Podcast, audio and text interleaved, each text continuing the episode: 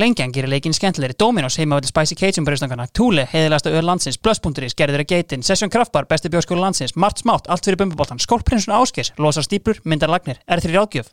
Takk.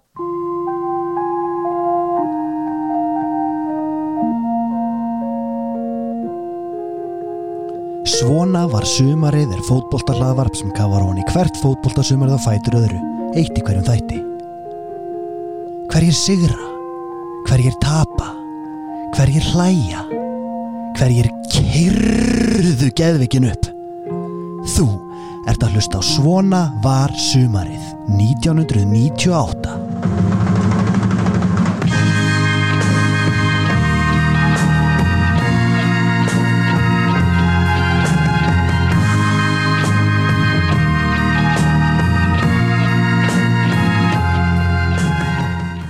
Uh, 1998, blessar ári Sætlablessaður. uh, Hérna eru við komnir í Prime, Orri og Joe Getum við ekki bara fullir það? Jú, ég held að getum gert það. Ég held það, hérna erum við loksins komnir og þetta er svona sko ég held að getum alveg sagt það að þetta sé sko, þetta er fyrsta sísoni sem ég man bara svona virkilega vel eftir að þetta er líka sko fyrsta íslensk knattspinna bókin sem ég fekk var Já. þessi bók þannig að núna, þú veist, núna getið þið fara að taka eitthvað marka á okkur, samt alls ekki. Nei, og þú ert náttúrulega sko ég ætla ekki að segja og sért með, með eitthvað heilkenni eða eitthvað svo leiðis en svona þitt stálminni mm, það að þú sért byrjaður að nota það árið 98 það sko kemur ekki á óvart en það er náttúrulega frekar magnað. Ég, ég man ekkert eftir þessu sísoni þannig. Það er Nei. svona, ég, ég á glefsur en, en þú ert náttúrulega ótrúlegur bara svo það sé sagt Herru, talandi um ótrúlega, ég er samt mannlegur og til þess höfum við Túle Eh, Túle eru með leiðrættingahotnið og Túle er auðvitað með þarna opnar orri einn uh,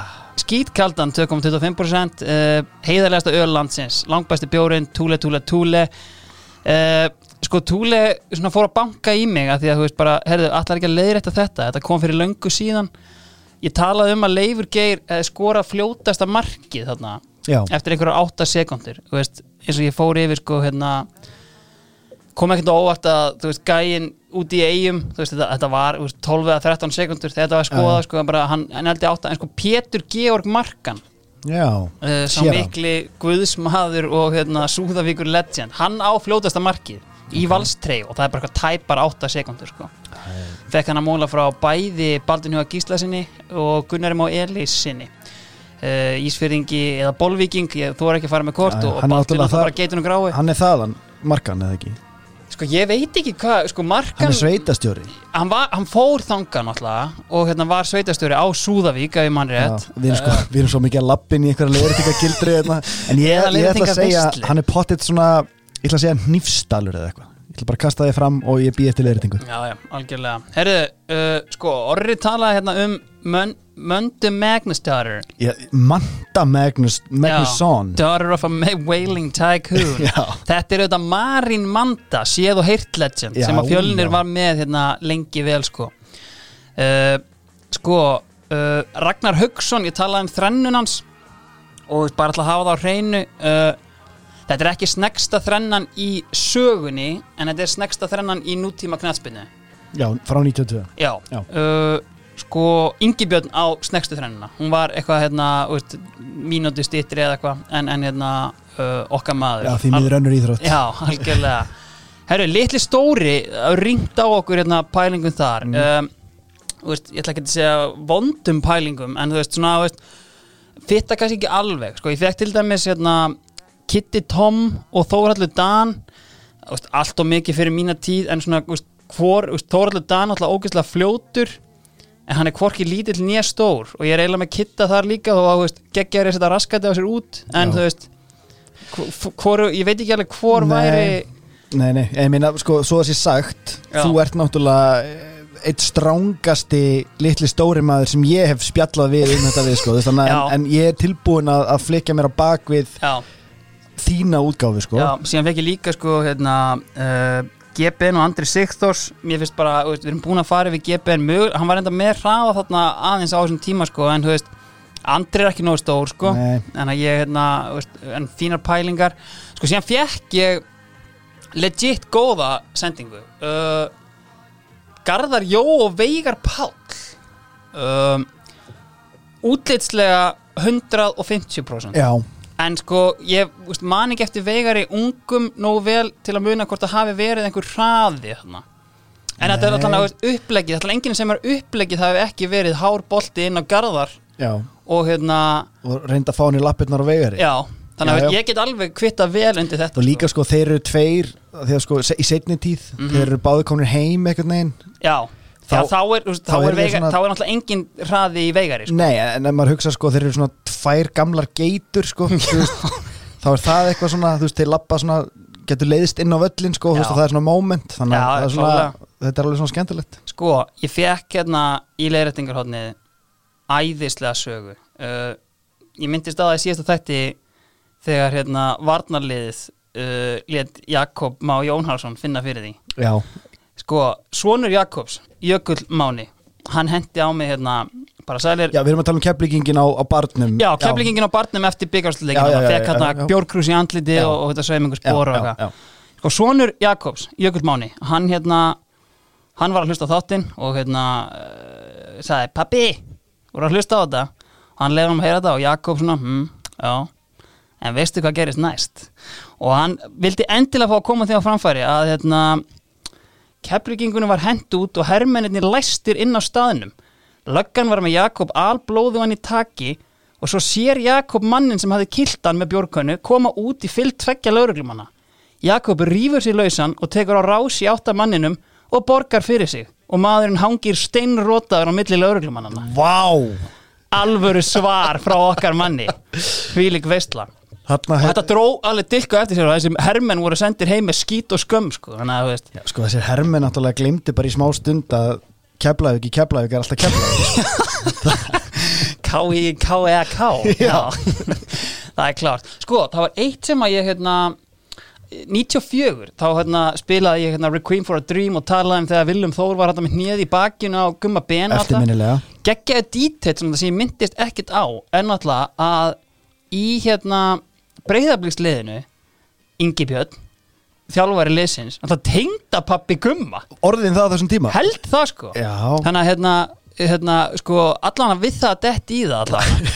Kannski búin að sjá að nokkur skrýða út úr sko, herbyggina ég er þetta að pæli, sko, þetta er GN G, eins og ég kalla Þetta var mjög innlægt Þarna er G ennþá á Akureyri. Þannig að kannski er hann ekki byrja En allan að framtíða tengdafæfi En sko að ég var að hlusta að horfa á hérna, Góðsagnir efstu deildar Á hérna Á uh, hérna, já. Plus Og hérna þar er villum aðeins eitthvað að rifja þetta upp sko. Og hann sagði Mín fyrstu kynni af Guðmundi eru Þegar við mættum þeim í Þór Og það var einungis eitt upplegg Frá yngabinni Tengdaföður hans þennan mann þarf að stoppa.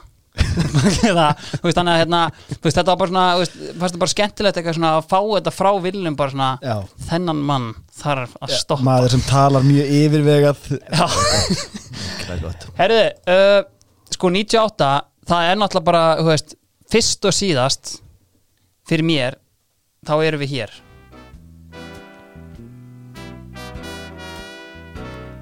Þetta er lagið Kata Knús Já, í flutningi uh, Diggs hlustanda, Gríms Gíslasonar. Og Grímur er þarna að leika í Bugsy Malone sýningunni. Alveg rétt. Auðvitað er Balti með enn eina loftkastala Er neglina það balti? Já, já, Hann bara, Gaurinn gerði bara hits Já. á þessum tíma. Vá. Þessi sýning var alveg, að því að þú veist, þetta er náttúrulega sýning sem er bara byggð upp á krökkum Já. á aldrinum 11 til 16 ára. Og þú veist, það eru alveg hérna, veist, setni tíma geitur í þessari sýningu, þú veist, með sko hérna, þú veist, með Þorvald Davíð sem aðalhlutverkið, þú veist, með knæsmyndtenging, Jómund Gretarsson uh, fyrir um Stormcenter hjá BA og Gróttu, Já, já. hann er þarna að, í hérna Ríó. Ferdinand hlutverkinu kalla ég þetta, hann Já. leik þetta líka á sínum tíma sko, Í alvörunni? já. Ok. Það er til bara á YouTube, bara að klippa Ríó að taka Tomorrow. Ok. Þannig að hérna, það er hérna alveg og síðan er sko hérna Álrún Örnóls er þarna. En sko stjarnan og veist, eftir sýningu það er bara einn maður sem kemst á og það er King Grímur. Já. Grímur var út um allt. Ég man eftir þessu ég bara, bara, hann var bara stjarnan á landinu. Þetta var alveg, sástu Sko- þessa sýningu það? Nei, en ég man bara á morgun og Kata Knús voru svona TV hittarar sko. Já, já, þetta var myndböndi allt- voru sínt og það já. var alltaf í sjónvarpinu en svo ég held að Klara í nælon hafi líka verið í þessari síningu Það er svoleiðis. Ég minni það. Þannig að sullaði ég með túleðin Þið voru nefnilega, að þetta er svona krakkasýning þá held ég að hafi verið að sum hlutverk eru köstuð af tveimur þannig að þú sért ekki eitthvað einhverjum hérna þú ert ekki- æfingum. Já, þú veist, Balti er náttúrulega að púla hérna Whiplash gæjan, not quite my tempo. Þannig að þú þarft að rúlla þessu me- milli krakkana sko. Nei, algjörlega. Sko, það eru fleiri söngleikir hérna. Uh, Höldum bara áfram í hérna tónlistinni. Damn. Baldur Trausti Hreinsson. Öfgatæki Þetta er held ég ekki Balti en þetta var náttúrulega huge hit. Þetta er með sko grís með Selmu og Rúnari Já, sem auðvitað síðan verða stjörnupar landsins. Þurfum við ekki að henda ykkur stjörnupars nafni á þér? Súnar eða Relma eða eitthvað svona, svona Brangelina dæmi sko. Rúlma. Rúlma eru þarna í geggjum gýr og sko var, hérna, þarna eru söngleikir bara eins og við heyrum algjörlega geiti Já. og það bara kemst ekkert annað aðeins söngleikir. Og þetta er svona ekkert að fara allt og vel í svona uh, Er activist, yes Gaurana, sko. þeir eru ekkert sátti með ja, list, mentaði litan, listaði litan. En segðu mér annað.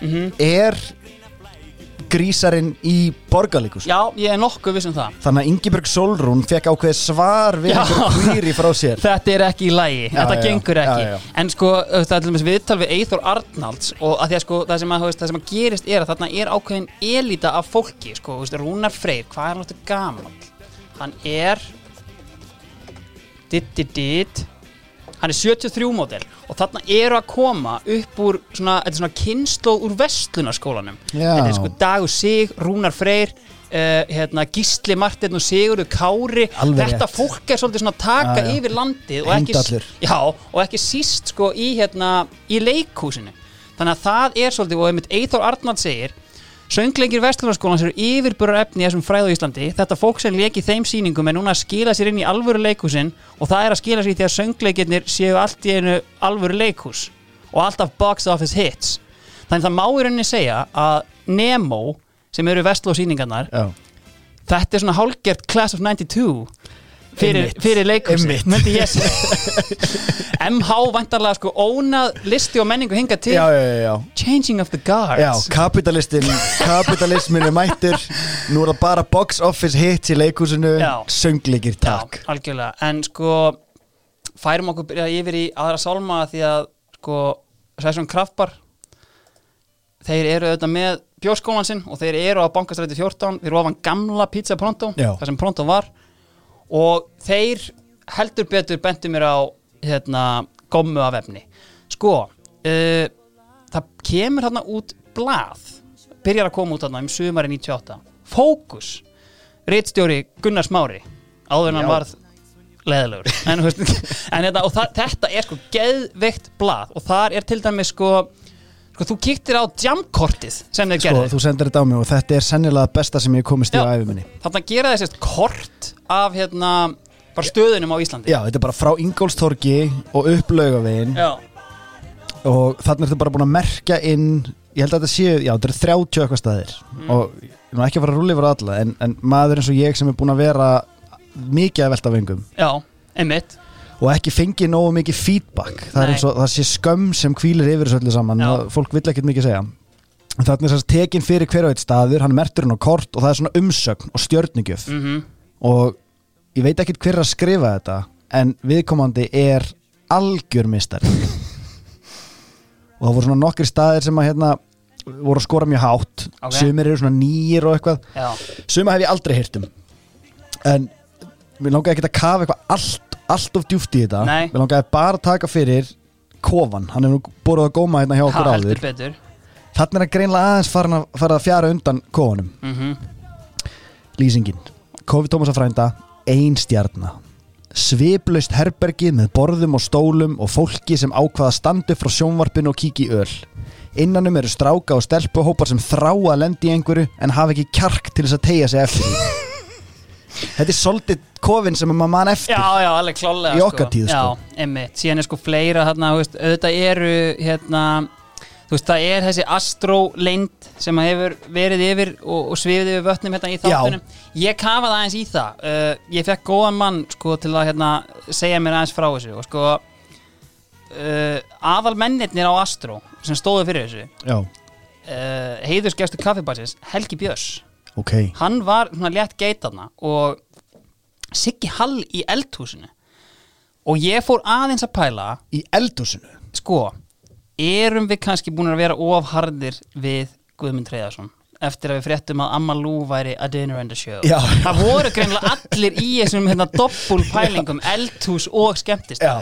þannig að Siggi Hall hefur verið þarna það er alltaf Hendur snittum með ja, einhverju rauðvin á pönnuna og rauðvin í kjaftin það, hefur verið þessi gýr sérstaklega á Astro. En sko, þegar við erum komin hérna við sögu 98, þá skilst mér að Astro er svona aðeins að líðundi lok. Ok, sérstaklega, sé, ég sé það bara á greininni í hverju voru hvar í fókus. Ok. Og þar eru sko titlaðir Astro herfóringjarnir Patrikur Jóhannesson og Sigurður Bjarnason handboltamenn og Garðabæ Vá. Handboltinn er farin að færa sig yfir á Astro og þá er þetta Já, já, að droppa já, held ég sko. það er bara 100% að droppa. Ég get ekki ímynda mér skemmtist að þessum handboltamennir og aðalnúmerinn Hann sé eitthvað vinsæl, sko, sorry. Nei, en sko það, veist, árin á undan bara svo við tökum það aðeins fyrir að hérna, þá er sér satt þannig er svo VIP herbyggi á Astro Já. og þar er svona einhver súla. Ekki súlan sem heldur þetta sé Ok. Heldur þetta er svona einhver öndvegisúla sem er samt úr, úr grjóti. Og þar Ykkur, ykkur marmarasúla eða? Já, eða bara svona klettur einhver. Einhver svona, veist, ástríkur og steinríkur Ykkur bauti ok, allavega þessi súla á henni var sagt platti með nöfnum á súlunni. Og sagt ef þú keftir þryggja lítra flösku maður ekki alveg af hverju. Kampavín. já, eitthvað- Já. þriggja lítra kampavín flösku Já. þá férstu your name on the wall. Vá. Þar voru ekki ómerkari menn en Arna Auðvitað, Bjarki auðvitað. Egilur Sverrisson. Ekki, ég var ekki Hen- með hann sem þennan. Hann hefur kíkt þarna hann hefur hendi í eina. Tyrklands kæsir hefur klárlega hérna, skilað sér þar inn. Uh, Mel B Vá, auðvitað Fjól, auðvitað meina Fjóli og síðast en ekki síst Jerry Seinfeld. Ha? Boring Jerry Seinfeld. Hann Já. kíkti hérna 98 og hefði sko leiðilegasti maður sem hefur komið hérna. Það kemur ekki óvart. Já, en sko talandi um hérna Class of 92 uh, Rúnar Freyr og Selma þau eiga, sko Rúnar Freyr færði lögheimili sitt yfir á vegamót. Þarna er Vegó að koma stert inn fyrir svona þessa söngleikja típur Ok, þú veist, uh, í minni tíð var þetta alltaf svona þú veist lokaði alltaf þrjú og hérna náttúrulega spaða kongurinn og spaða ásinn og það allt og þrý fyrir einn, fyrir tólf. Hip-hop svolítið svona. einmitt, en sko þarna er þetta er þetta svona, Class of 92 Nemo liðið er svolítið að hanga þarna. En sko af fótboltamennir veist, þeir sjá bara Patta Jó, Sigur Bjarna, eh, við erum farnir. Já, við þurfum að finna ykkur nýjast það skuggabarinn hann Ah. tekur yfir. Og sko þú sér þarna yfir hásumartíman þá er lítið verið að nefna fótboltamennina síðan siglum við inn í ótt nóf og þeir verða algengar í hverjum dálkinum. Alltaf talað um stróið það er astró sko, en þeir eru farnið þaðan. Það er rosalegt nickname. Já, sko, alltaf verið að tala um Sissó í K.R. Það hlýtur að vera særa stelpur, Já, Sissi já, Júl það er ekki annars að til greina. Er, sko, ég veit ekki bara hvort þetta hafi verið að því að þeir eru svo ógeðslega vinsælir og bara svona þekktir en þú veist, K.R.ingarnir eiga heima þarna, sko. Já, Það er bara, þú veist, hérna Guðmundur Benedisson skemmti sér vist svo vel á föstudeginum, hann kíkti aftur á laugadeginum Þetta er helviti skemmtilegt, sko, og Riki Dað á heimi hérna. skuggabarinn, ég er Já. að koma, koma ég ætla að kíkja kortið hérna Já, Sko, já, já, já, ok, já, já Skuggabarinn er hérna Hotel, Hotel Borg. Já, Já, og er Astro er sagt sko Það er, gamla- ekki, það er engin skemmtist það er hérna skuggabars í okkar tíð. Nei, Nei. ekki sem ég mann eftir. Nei, nei, nei, það voru hérna Er þetta ekki sem að Jamie Oliver er jú, jú. Ég man ekki, ég fór eitthvað einu sinni á bara eitthvað svona heldri manna samkomu þarna eitthvað uh. En þú veist, nei, nákvæmlega. Mjög lýsandi. En sko, hérna mm, Hvað erum við fleira hérna?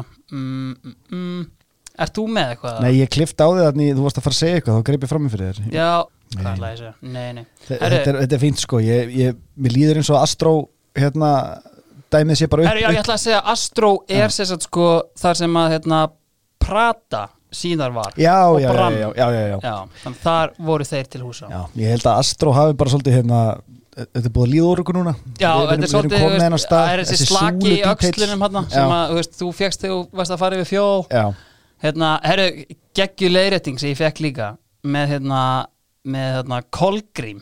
Já. Þessi hestur, hann stóðhestur sem Já, hann hann er auðvitað í eigu Magga Gilva Nei, nei.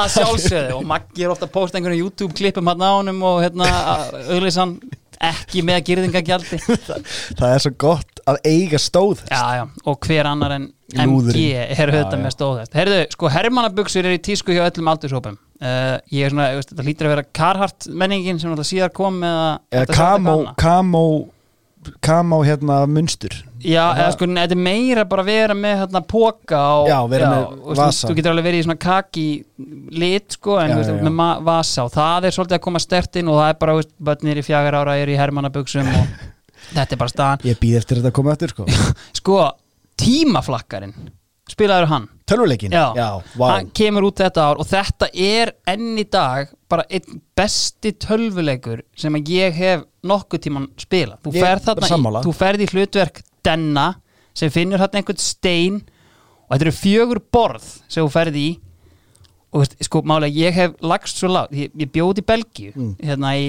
í hérna tæp tvö ár og hérna ég skrifa mastersritgerna mínu og eitthvað, ég hafði volað lítið einhvern veginn og bara heima allan daginn eitthvað á, á, sweatpants og þú veist. Já, og veginn fekk ég einhverja brjála flugu í hausin og fór bara eitthvað að garfa í þessu bara, er það ekki gott að geta gripið inn í tímaflakka? Þegar ég er ekki að skrifa reitgerina og hérna ég bara fór svo, ég komst í samband við Georg Lúðvíksson sem núna held ég eigandi menika.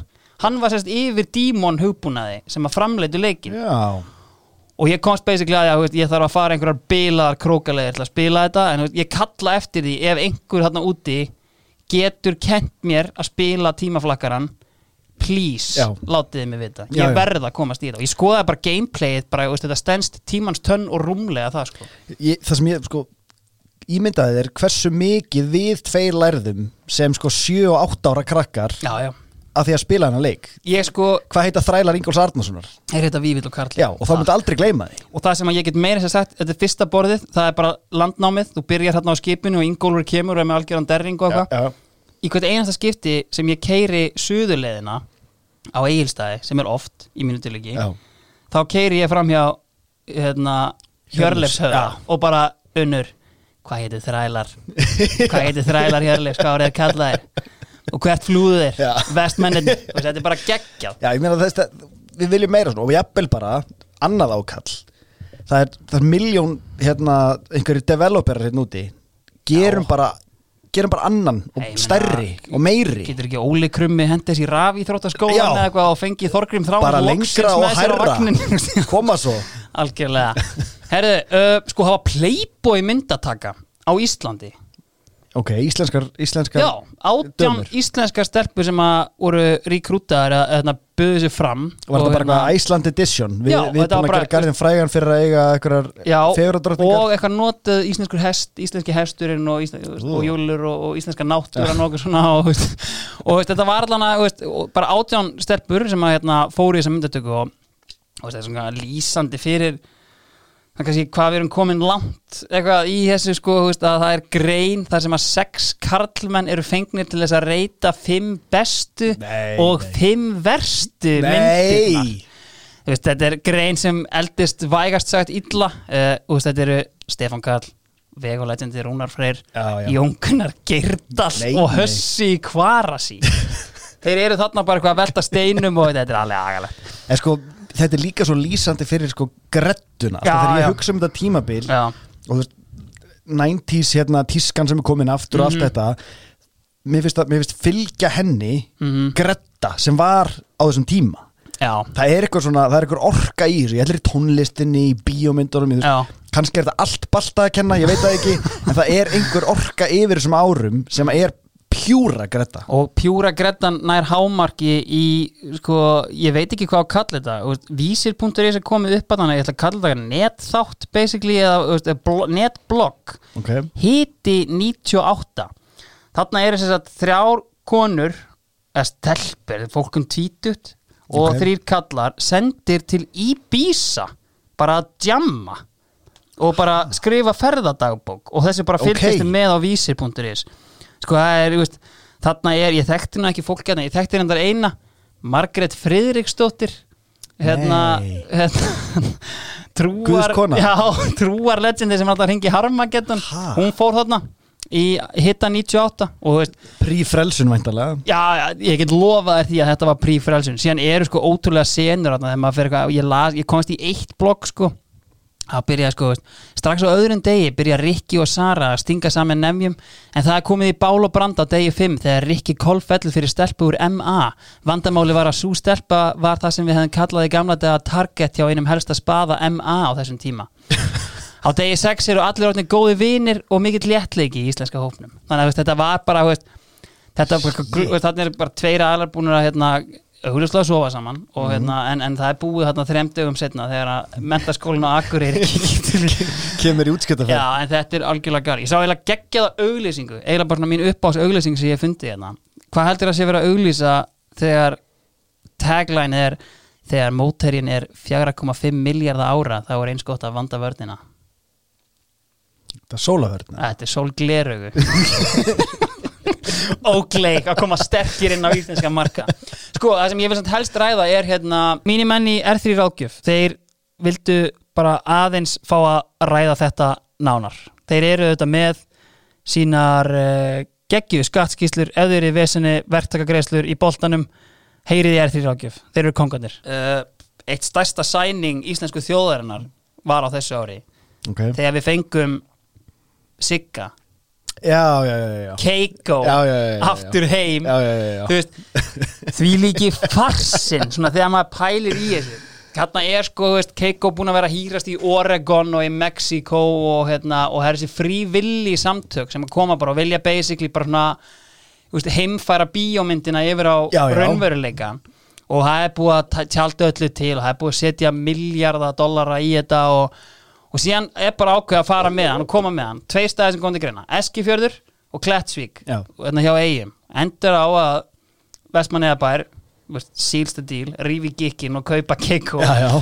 og þú veist að skoða bara svona umræðina í kringum þetta. Fókus tóku þetta mikið upp á sína arma og þeir greinlega sko réðu inn Hallgrím Helgason til að flytja okkur einhverjar falsfréttir og svona einhverja, einhvern gamanleik frá þessu. Og sko, þú veist, það, það er eiginlega eins og Hallgrímur hafi fengið eitthvað heila blóðfall þegar maður, sko, maður skoður þessar greinar. Það er ein grein hérna það sem hann er alltaf að skoða hann er alltaf að vinna með það kameri að, hérna, að það sé einhver þýðingarvél að þýða hugsanir Keikos og hérna er eitthvað Keiko, hvernig hefur þú það? Keiko, þér höfum það gott. Gæti ég fengið þig að spyrja þig nokkra spurninga? Keiko, svara munum vér þeim með ánægju Brad. Þú veist, þetta er bara eitthvað svona uh, Já, já. algjört cringe eitthvað að lesa þetta sko. En veist, Hallgrímur allavega þetta er, þetta er bara þetta er sko greina flokkur. Bara á hverjum föstu degi í fókus er Hallgrímur með eitthvað nýtt take á Keiko og, og þýðingavélina Sko, það er náttúrulega hellingskomedi í kringum þetta og það er hérna, minna, gægin verður heimsfrægur. Þetta er- Keiko ok. Og, og það er það er batteri sem fylgir honum og það er eins og þú segir, þetta er svo fyndið með þetta hérna það sem að kvikmyndin að, raunveruleikin fyrir að emulate einhverja kvikmynd. Já, já, það er hérna það er eitthvað svona ákall hvort sem það eru, Mm. það sko bæði verða Greenpeace samtökin brjálið eitthvað svona, þú veist, yfir þessu saman en þetta er líka bara almenningur sem hefur séð myndina. Já, nú er nú gott að gera þetta eins og í myndinni. Eitthvað það, Já. er- það er kveikin hans sem þú segir. En bíóð einna heima er svo það, það er svo margt í þessu sem er svo mikið klúður. Þú talaði náttúrulega um sko peningarna sem farið í þetta. En sko aðgerna því að sko pappi var að vinna hvar var, ég man ekki eins og hvar hann var að vinna. Hann var ég, held þetta hafi verið upp á stöðtöðum Mm þeir eru með útsendingun á þessu. Mhm. og hann fór í einhverja fjölmiðla að ferða þarna út til þess að kynna sér aðstæður þegar hann er ennþá úti. Það er enn eitt kostnaðarlegur Eiki Hjálmars farin til Já, sko, bandaríkjana þegar hafa verið þrjú eða fjögur sem fara þarna sko. Og hérna, e- eitthvað svoleiðis. Og hann er, ég manna, hann tók viðtal við Keiko eitthvað svona, Já. eða þú veist, var í eitthvað svona svoleiðis bíó Oprah Winfrey tók viðtal við hann að stutta áður. Christ, en svo er sko, svo er sko útsendingin þegar hann er að koma heim. Já, þá er náttúrulega herin, bandaríski herin þeir eru svo- mikið að reyna að monta sig og, og hérna sína einhverja flugvél sem þeir eiga, einhverja state of the art já, og fljúa honum í henni. Heldur betur. Og svo er þeir að lenda. C-130 Hercules veist, þetta var já, og svo, svo er að lenda og það er sko, það er búið að þaulæfa hérna rúndin, hvernig þetta á að gerast hann Já. lendir shipunum inn í einhvern gám og keira lötur hægt og það er búið að æfa þessa leið sko. svo hérna er þeir að lenda og þeir ætla að sína svo ótrúlega mikið hvað þessi vél getur sem öllum er drullu saman og í staðin fyrir að einhvern veginn að lendinni á móti vindi eins og það er almennt gert þá ætlar að sína hvað hann getur lendi í miklum já. og þeir gjössamlega hlungenni niður og eigðilegja flugbrötina það er bara, þú veist, enneitt kostnaðaliðurinn já, já. og sko þetta, ein miljón dollara in damage við þessa lendingu sko. þetta er bara galið sko. það er ótrúld og eigðilegja sko lendingabúnaðin á vélinu og ég veit ekki hvað. En sko, svo það er bara pása. Það er bara útsending en það er bara þögn, það, það er bara ekkert að gerast og pappi greið eitthvað að reyna að spinna eitthvað með hérna bara horfa okkur að flugvil og hann segir, þetta er svolítið eins og hérna hurðarhóttin í höfða dæmi, já, sko. já, já, já, og þjóðin stendur bara á öndinu og engin veit neitt mér líður eins og ég muni algjörlega eftir þessu sko. þú veist, að, hérna, eftir þessari hérna, þú veist, útsendingu sko. ég, ég var sko að hugsa því ég var að horfa á þetta og Mm. var ég að horfa á þetta því að pappi minn var þarna en það er bara nei af því að ég man mómenti þegar mamma segir við mér bara hekkir röddina? Eitthvað svona, það, veist, það var ekki ástæðan fyrir að ég var að horfa þetta. algjörlega. Þetta er algjört bíó sko. Sko, uh, það var eitt helviti gott sko, MHMR, úslit getur betur. Það var hérna, ég man eftir þessu bara eins og það getur gærið, ég horfði á hann leik eins og ég kalla alla getur betur leiki já, með pappa mínum. Uh, þarna er ég ennþá veist, harður MH maður í getur betur. Getur betur er nótabenni sko mitt uppáhalds íslenska sjónvarsefni of all time. Það var, Já. Það var reynd að rústa hérna á tíma en þú veist, það var svona á fín hérna Þetta var fín hérna yfirferð og hérna fínir leikir Já, í ár ég- ég segi við þetta komum með hann heim. Já, alveg rétt við komum með hann heim hérna, uh, King Kult kom með hann heim. Sko, þarna gerist það basically að hérna að bara það eru framkvæmt miljón mistök. Bara, þú veist, MH svarar rétt, fá ránt MR svarar bara með röngu svari, fær rétt. Og, þú veist, og þeir kæra þetta. Og þetta er svona frábært dæmi um það hvað svona fólk í mentaskóla heldur að heimurinn sé ekki stærri en skóla með hérna sko Hjálmar Blöndal hérna fórseta MH nefndafélagsins hann er þarna með við höfum fundið fyrir miklu meðbyr í þjóðfélaginu. Það er allir skýt sama um þetta sko. En veit Hjálmar Blöndal er algjör meistari hann bjó fyrir ofan mig í grænli fjögur. Og sko þú veit ég gleymi því ekki. Þegar hérna hann var kjörin hérna, það voru stanslöfsparti hérna, bara MH-engar fylltu hús, sko fjölbýlishús Já. fylltu stegagangin bara hverja helgi. Og hérna, en sko vers, pappi montar sér alltaf sko, ég kvartaði aldrei. En það var eitt skiti það sem var bara mannhaf yfir stegagangin á miðvikudegi. Og þá hafði sko Hjálmar verið kjörin hérna fórsetið nefndafélagsins Hjálmar toppmaður. Já, já. og hérna og pappi syndi í gegnum mannhafið upp á efri hæðina og þá kemur hann það sem að Hjálmar er einhverjum kongastól Nei. með kórón Hjálmar er þetta ekki komin og veist, Hjálmar þetta var bara úr stólinu Jón Skúli, þetta, þetta, þetta er bara búið. Þetta er þetta, klárum þetta bara núna. Og, allir út. Já, og, og algjörlega, veist, og hann var frábær í að sópa fólki út á mettíma því líkur höfðingi. Herru, sko, við getum ekki annað en minnst á menningafyrirbærið sem er heilsmyndstaramóti í knæspindu 98 já, aðalega bara þetta er fyrsta mótið sem ég man eftir. Já, áttu ykkur að minningar á þessu það mótið er bara endalust, þú veist, bara ég, ég gleymi ekki mómentinu að því þarna, þú veist, er maður þú veist, ég er sjö ára krakki og hérna, uh, þú veist, ég bara gleymi ekki mómentinu. Ég er að horfa á einhvern leik hann klárast og síðan bara byrjar strax annar leikur. Já, og hérna, og ég bara einhvern veginn svona býtu, hann er sko mamma mín veist, pappi var alltaf að vinna á hérna flateyri hérna á þessum tíma og hérna, og ég og mamma erum svolítið bara eini í, í kósi, hún er enda kas ólétt sko, og veist, ég mamma er það að segja mig það að hérna marga dag í röð sé bara ekkert nema fótbolti í sjónvarpinu og þetta var bara algjört himnaríki og ég horfði á alla leikina þetta var bara algjör vistla fyrir mér Já. þetta er bara mitt mót og verður alltaf sko sko, ég, ég, það er bara svona einn og einn leikur sem ég man eftir sko. bara Brasilia Danmörk var geðið eftir já, já, emmitt ég held að það hafi verið að því ég var uh, í ykkur sólalandaferð þegar ég var á þetta sko. einmitt Brasilia Danmörk síðan man ég mjög skýrt eftir framherja pari Mexiko hérna, Tjótameg Blanco Já, hérna, hinn hálslausi Er, erum við í hérna, Tjótamik? Ég, ég er alltaf að challengea sko hvað er þú með? Ég er ekki minn eitt og hérna og uh, hvort hann heit Luis Hernández Já, já, já, já. síðherðu Jöfsi með svona forlan var, lúk Hann var í eitthvað. real eða eitthvað Nei, ég held nú ekki sko. Nei, en, ok. hérna, en veist, það var eftirminnilegt og síðan þetta, veist, fáum fyrsta gullmarki á heimsmyndstarmótinu, Laurent Blanc hana, Já. gleymið ekki sko að horfa hann leik með pappminn, mann sagði sko alltaf þú veist, að því að Chílavert varði eins og berserkur í þessum leik.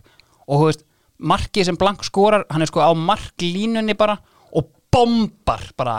Það þurfti eitthvað sérstætt Já. það þurfti að negla þessi svo Chílavert kæmi ekki tilbaka.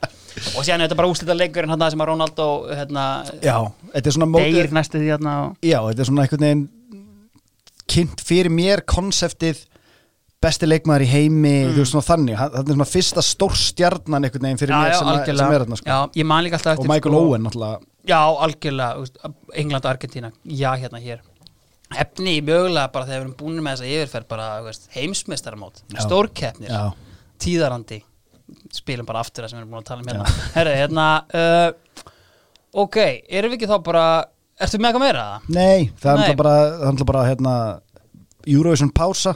Já, einmitt, já, við vorum rekin Já, þarna. rekin, rekin eitt ár. Við komum bara tvíel tilbaka, ég meina það er verið að brugga eitthvað svakalegt í efsta leiti líka sko. Já, býðum spennt. Herðu, förum bara í boltan Sko Veturinn 97 Það eru allir bara á leiðinni aðtunum sko. Það er, við erum komið með hérna, við erum komið með Bossmann og hérna og það er bara allir að fara. Sko, haugur af leikmönnum sem fara. Út af Bossmann eða? Eh, Er með ekki Bosman eitthvað? Bossmann er svolítið tvíþættur. Uh, Hann snýr aðalega að þessu dæmi með að fótboltin er ekki lengur þrælahald. Þegar menn eru búni með samninga þá er bara búni með samninga. En það opnaði líka á sko að þú veist, herrið, þú veist Þið getið ekkert verið að banna aðilum innan EES að vinna innan EES Já. Þannig að svona kvótareglur hverfa að hverfa ekki, en þú veist að það er veist, eh, bara innan EES allavega, skilur, þú, þú getur basically bara farið hvert sem er, þannig að allar dýr eru allt í einu orðnar opnar. Takk, og hérna þú veist, Óli Kristjáns Óskar Rapp, uh, Hilmar Björnsson hinn umdildi uh, þú veist, og það er bara allir leikmenn dildarinnar kíkja eitthvað á reynslu já. Helgason, veist, bara, veist þannig að bara það fara einhverju sko 20-25 leikmenn bara í atvinnumennsku okay. þetta, þannig að vetur sko þannig að veist, menn hafa svona ákveðnar áhyggjur af því svona bara hvað hérna hvað verður um íslensku deildin það er allir sem menn eru farnir en menn höfðu ráð í hverju hotni skal ég segja þér. Ok. Heru, en sko, veist, ég vil bara aðeins farum aftur í hérna draumalíðasteildina af því að þú veist, byrjaði náttúrulega hérna fórum yfir þetta með víði, hrikalega stert einhverjir 2000 þáttakendur eða eitthvað Já. hérna og hann er þetta bara algjörlega on a high. Það er bara, veist, það eru allir að taka þátt. Og besta sem að ég sá sko var að Víðir var hérna bara á loka metrunum í yfirvinnu við að taka við símtölum frá einhverjum naglhörðum sjómönnum. Að því út að senda inn eitthvað fax með liðinu Víðir ég er ekki síma saman hérna. Ég væri ekki komin að þessum túr fyrir að deadline er liði, ég er að gefa liði síman og bara, eitthvað, hvað, hvað segirðu? Já, það er bræla hérna. Þetta var bara, eitthvað, algjörlega gali og bara sjómenn voru bara, veist, hörðustu fantasíspilaða landsins. Það var bara, eitthvað, ein áhöfn sendi inn einhver 14 lið, bara eitthvað og bara, veist, bara innan hús keppni hjá Bergi Vaffi eða líka. Og þetta, þú veist, síðan, veist, eru menn aðeins farin að leika sér með liðsnöfnin? Og ég tók svona saman Er svo menning byrjuð þarna? Já, ég tók saman þrjú af mínum upp á liðsnöfnum. Það er annars vegar Bring out the Gimp Mér fannst helviti gott. Síðan var hérna Eitt gæði sem hétt Gonzo the Great King of the Dingaling. Nei. Ég fatt ekki refan en þetta er ógeðslega að fyndi Og síðan, þú veist, bara eitt basic. Kongi Kongs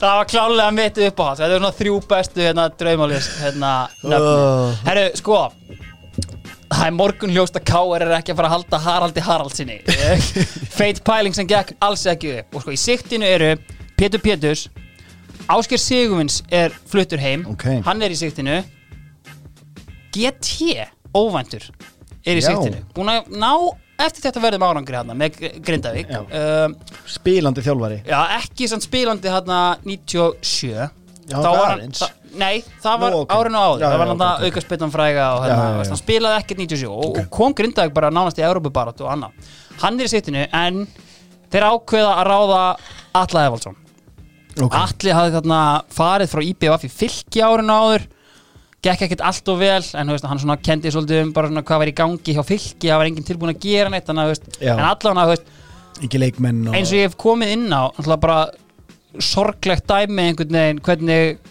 allir er orðin einhver holdgerfingur káer, þú veist, valsarinn gethett, sko, en að, það er talað basically um eitthvað svona homecoming og veist, allir káeringurinn mikli er komin heim, sko. Ok, en káer eins og ég fárin á hann, Bosman leikur á grátt. Óli Kristjáns fyrir AGF Óskar Rapp til Strömskotset Hilmar Björnsson fyrir Helsingborg Brynja Björn til Vólarenga og Rikki Daða í Vikingstafangar þetta eru bara allt leikmenn bara beint úr byrjunarleginu uh, og veist, það er talað um meira veist, þeir eru á skuggabarnum að hérna, veist, reyna ákveða hvað er að gera Gummi BN, orðað við skagan enn og aftur. Uh, Einsi Dan og Andri Sigþórs þeir eru kominir í harðar viðræði við IBVF þessi menn ákveða semja aftur. Þeir Ok. bara, heyrðu, guys við erum ekki að fara núna það er ekki skugga bara í eigin. Nei, ég heldur betur ekki. Þeir fá steppa gísla sem er þarna Já. sko kottn ungur og efnilegur nýkominn frá Arsenal náttúrulega. Þeir bræður voru náttúrulega hjá Arsenal og það var helviti skemmtileg grein sko sem að veist, Valur fannar bróður hans var í viðtali sko eitthvað veist, já ég sé nú ekki fram á það að Arsene Wenger sé að fara að nota mig hérna. Eitthvað, eitthvað, og þú veist sko ég var náttúrulega keiftur af Bruce Ríok þannig að þetta er ekki alveg að fara að ganga hjá mér núna. Þannig að hérna náttúrulega Vengar hefur gefið sér mikinn tíma til þess að meta val fannar sem leikmann áður en hann á hvað þetta að en, fara hérna, en Valur fór samt hérna, fór með Óskar til Strömskottsett og, hérna, og Steppi Gísla hafði árin á að vera hjá KFA Valur Austri. E, Þetta menn af Austurlanda Ég var til að taka að setna sko, bara svona gæða spilarar frá Já. að þeir eru svo sannlega ekki margir ekki, ekki. Nei. síðan fáði líka Þórhald Örn Hinriksson a.k.a. Júri Já. hann kemur frá hérna, Blikum Nettasta niknið í bransan Já, veit ekkert hvað hann er komið en hérna Júri kemur frá breyðablík uh, uppalinn káamæður og, hérna, og það er svona helst að segja gera svona þanga til hérna síðar sko, ef við höldum áfram bara í okkar þema að taka skagan næst. Uh, Logi heldur áfram með riðið, liðið og veist, það er bara sami veist, hérna uh, Gulli Jóns fer til Örebró uh, Haraldur Ingólfsson, kongurinn hann fer til Elsborg, en svo missaði líka bara innanlands, þeir missa hérna Óli Þórðar Changing of the Guards, verður spilandi þjálfari hjá fylki í bjödeldinni Óli Adolfs, hann fer á Krókin og hérna og spila þar með auðvitað blöð þú veist, hérna, Kári Steinn Reynisson fyrir liftur og, og það er svona helsta sem fer. Þetta er bara að leysast upp þarna, þetta, Þetta- þetta legendary lið gamla bandið er Já. farið og sko þeir sækja Slóbóta Mílisits frá liftri, hann var Já. ósáttu við kaup og kjör var eitthvað búin að díla við sparisjóðstjóran hann kemur upp á skaga, aðri menn sem koma uh, Haldán Gísla Já. Seggurinn frá Bólungavík hann er hann búin að vera einn ástsælasti markaskóra í neðri dildana er ekki nema 19 ára eða eitthvað raðað inn á skeiðarvellinum sló af sér peningalittina þarna sem að þú réðast ekki við. En hann kemur upp á skaga og náttúrulega síðan a huge signing sem ég slefti aðeins viljandum að tala um áðan. Þeir taka heimi Guðjáns Já, það er alvöru gikka rif þegar hérna heimir samningslaus og eins og við erum að fara alltaf að daðra við að fara núna bara fer hann. Veist, hann bara einhvern veginn hérna, sá sæng sína uppbreyta og hérna er enn og aftur sko kom ekki inn á hann en svona veist, changing of the guards í káar þú veist á þessum tímamúti er móði eini leikmaðurinn eftir af Class of 69 sem ok. sem er geggjaður hendar viðegandi fyrir þess að konga og hérna við kaupin á heimi Guðjóns þá hendir Gaupi í smá sneið og segir að það er alveg ljóst að skagamenn er að kræka sér í feitan bita. Ah, algjört svona tongue in vá. cheek bara, þú veist, uncalled for og Já. bara Gaupi skam Já, sko, það var svona helsta sem gerist þar. Sko, Íslandsmeistararnir, eigamenn þeir verða fyrir blóttökum Bjarnólfur Lárusson, hann fer í atvinnumennsku. Tryggvi Guðmundsson fór á Interrail Interrail fór held ég á reynslu hjá öllum félögum í Evrópu endar þó í Tromsö í Lapplandi já eins norðarlega þú kemst. og hérna sko, hemmi er náttúrulega farin Sverri Sverris hann fer til Malmö í sagði þér hérna á hana Erki, ó- eða sérst, hérna, fyrir einhvern þáttum að Erki óvinniðin Ólafur Bjarnason Já. hefur verið eini leikmann að spila með Zlatan. Eitt sem ég vil leiður þetta bara, hann er ekki erkjóðinu minn. Ég hef ekkert nema gott um mannin að segja En allavega. Það var nýji hjá mér, því Sverri Sverris spilaði líka með Zlatan í Malmö. Ah, þannig að þú veist, Rútur Snorra hann er ekkert með, þannig að veist, það er alveg skörð höggin í lið, hvað gera þeir? Við sækjum okkur menn. Endur sem er við Soran. Hann vildi ekki fara upp á Skaga.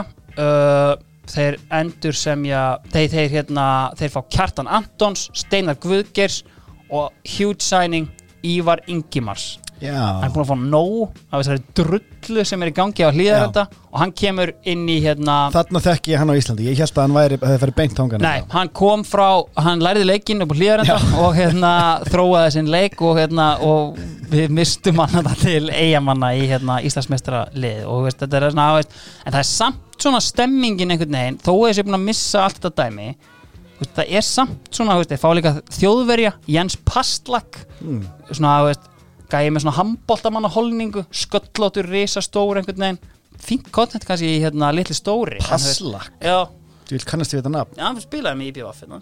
skoraði einhver og, Ætla hann sé og pappi Felix Passlak sem að spilaði smá með Dortmund? Það held ég alls ekki. Nei. en hérna, leiðrættingu hotn ef það er hérna. Já, það en er veist, þannig að þeir koma alveg sterkir til leiks. Um, sko Keflavík enn eitt lið sem að lendir í smá svona bossmann, við erum auðvitað búin að keira á Kakamás Youth Já. og Haukur Ingi. Hann fer á reynslu til Arsenal PSV endar auðvitað í Bílaborginni. Liverpool. Síðan sko Jói B hann fer til Watford. Þannig að þú veist, þeir missa svona tvo örgulega görðin sem skoruðu hvað mest þarna. Og málið er að Kjartan Másson verðist aðeins vera að missa völdin. Því að Gunnar Oddsson ringir bara í sinn gamla félag Óla Þór Magnússon og fær hann til að taka fram skóna. Já. Og hann mætir aftur í lið. Þeir sækja líka úst, svona, einn heitasti bitin uh, á markanum var Gunnar Már Másson uh, Lifters legend. Já. Hann var búinn að fá nóg hjá Liftri fór á Interrail, enginn vildi semja við hann. Og Káur og Keflavík bara börðust hatramt um hann. Og hann endar sérst í, í Keflavík.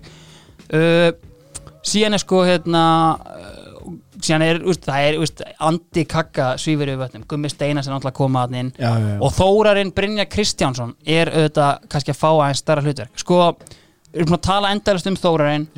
Við gáfum Martin Eyjólfsinni sviðið og veist, ég ákvað bara herðu, þú veist við verðum eiginlega að ringja í Þórarinn líka. Þannig að hérna Hinn bjargvættin þannig að hérna Þórarinn, erum við ekki bara klárir?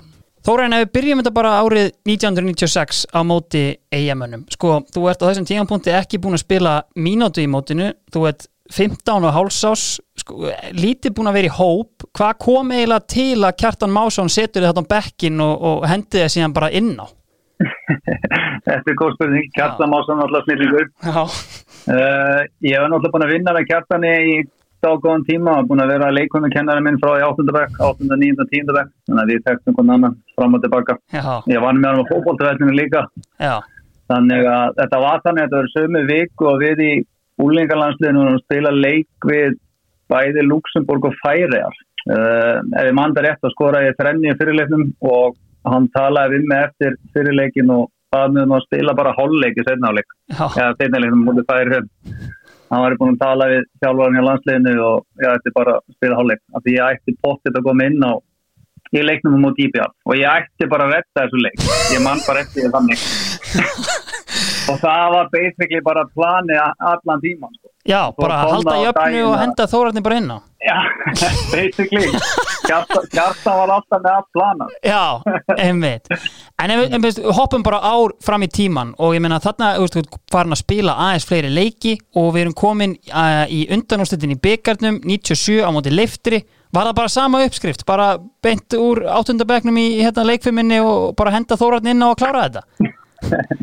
Ég var náttúrulega ungu tjakki á þessum tíma en já, basically, ég hérna, var ekkert að spila marga mínútur þetta ári heldur. Nei. Ég var meira að koma inn á svona nokkra og nokkra mínútur. Mm Uh, já, einmitt þarna, þetta þetta verður steitna hálfleik í framlýningunni. Já. Kem ég hann inn og þú veist, einhverjar áttasekundur búin að vera eitthvað, þú veist, skoraði þetta mark. Já, Þá kom eiginlega svona endalega þetta natt bjargvætturinn það byrjaði svona mútið í því að þann ári áður en þetta kom eiginlega með þarna eftir þetta mark já, Flenni stór grein í DFF gulldrengurinn varð bjargvættur. Þetta, þú veist, ef maður einmitt rýnir í þetta og hérna, náttúrulega maðurinn sem var á undan þér kannski bjargvætturinn, Martin Eyjólfsson Eyjamaður, ég spurði hann einmitt út í það sama svona, veist, þarna ertu 16 að vera 17 ára, ég meina Keflavík hlýtur bara að hafa elskað þig, hlýtur að hafa verið aðal maðurinn í bænum þetta er stór spurning. Já, ég var náttúrulega ungur og vitt þess að þessum tíma kannski já, ég veit það ekki. Ég höndlaði kannski á okkur náttúrulega hátt en já, það var erfitt að vera í bæjarfélagum á þessum tíma. Já, það var bara eina sem var talað um það var björgvætturinn, björgvætturinn, björgvætturinn þegar það var talað um mig. Já. Þannig einmitt, Og kann- já, fyrir ekki Já, kannski svona fókbóttalega geta en hún fór aðeins til hliða þarna. Það var bara að tala um að ég ætti að vera inn á þessi ráðnundur og redda ykkur leikjum og hitt og þetta. Já, þetta var, þetta var skrítin tími. Þetta var kannski, myndur þú segja að þetta hafi verið, þú veist, of mikið fyrir þig bara að höndla svona ungan, eða hvað?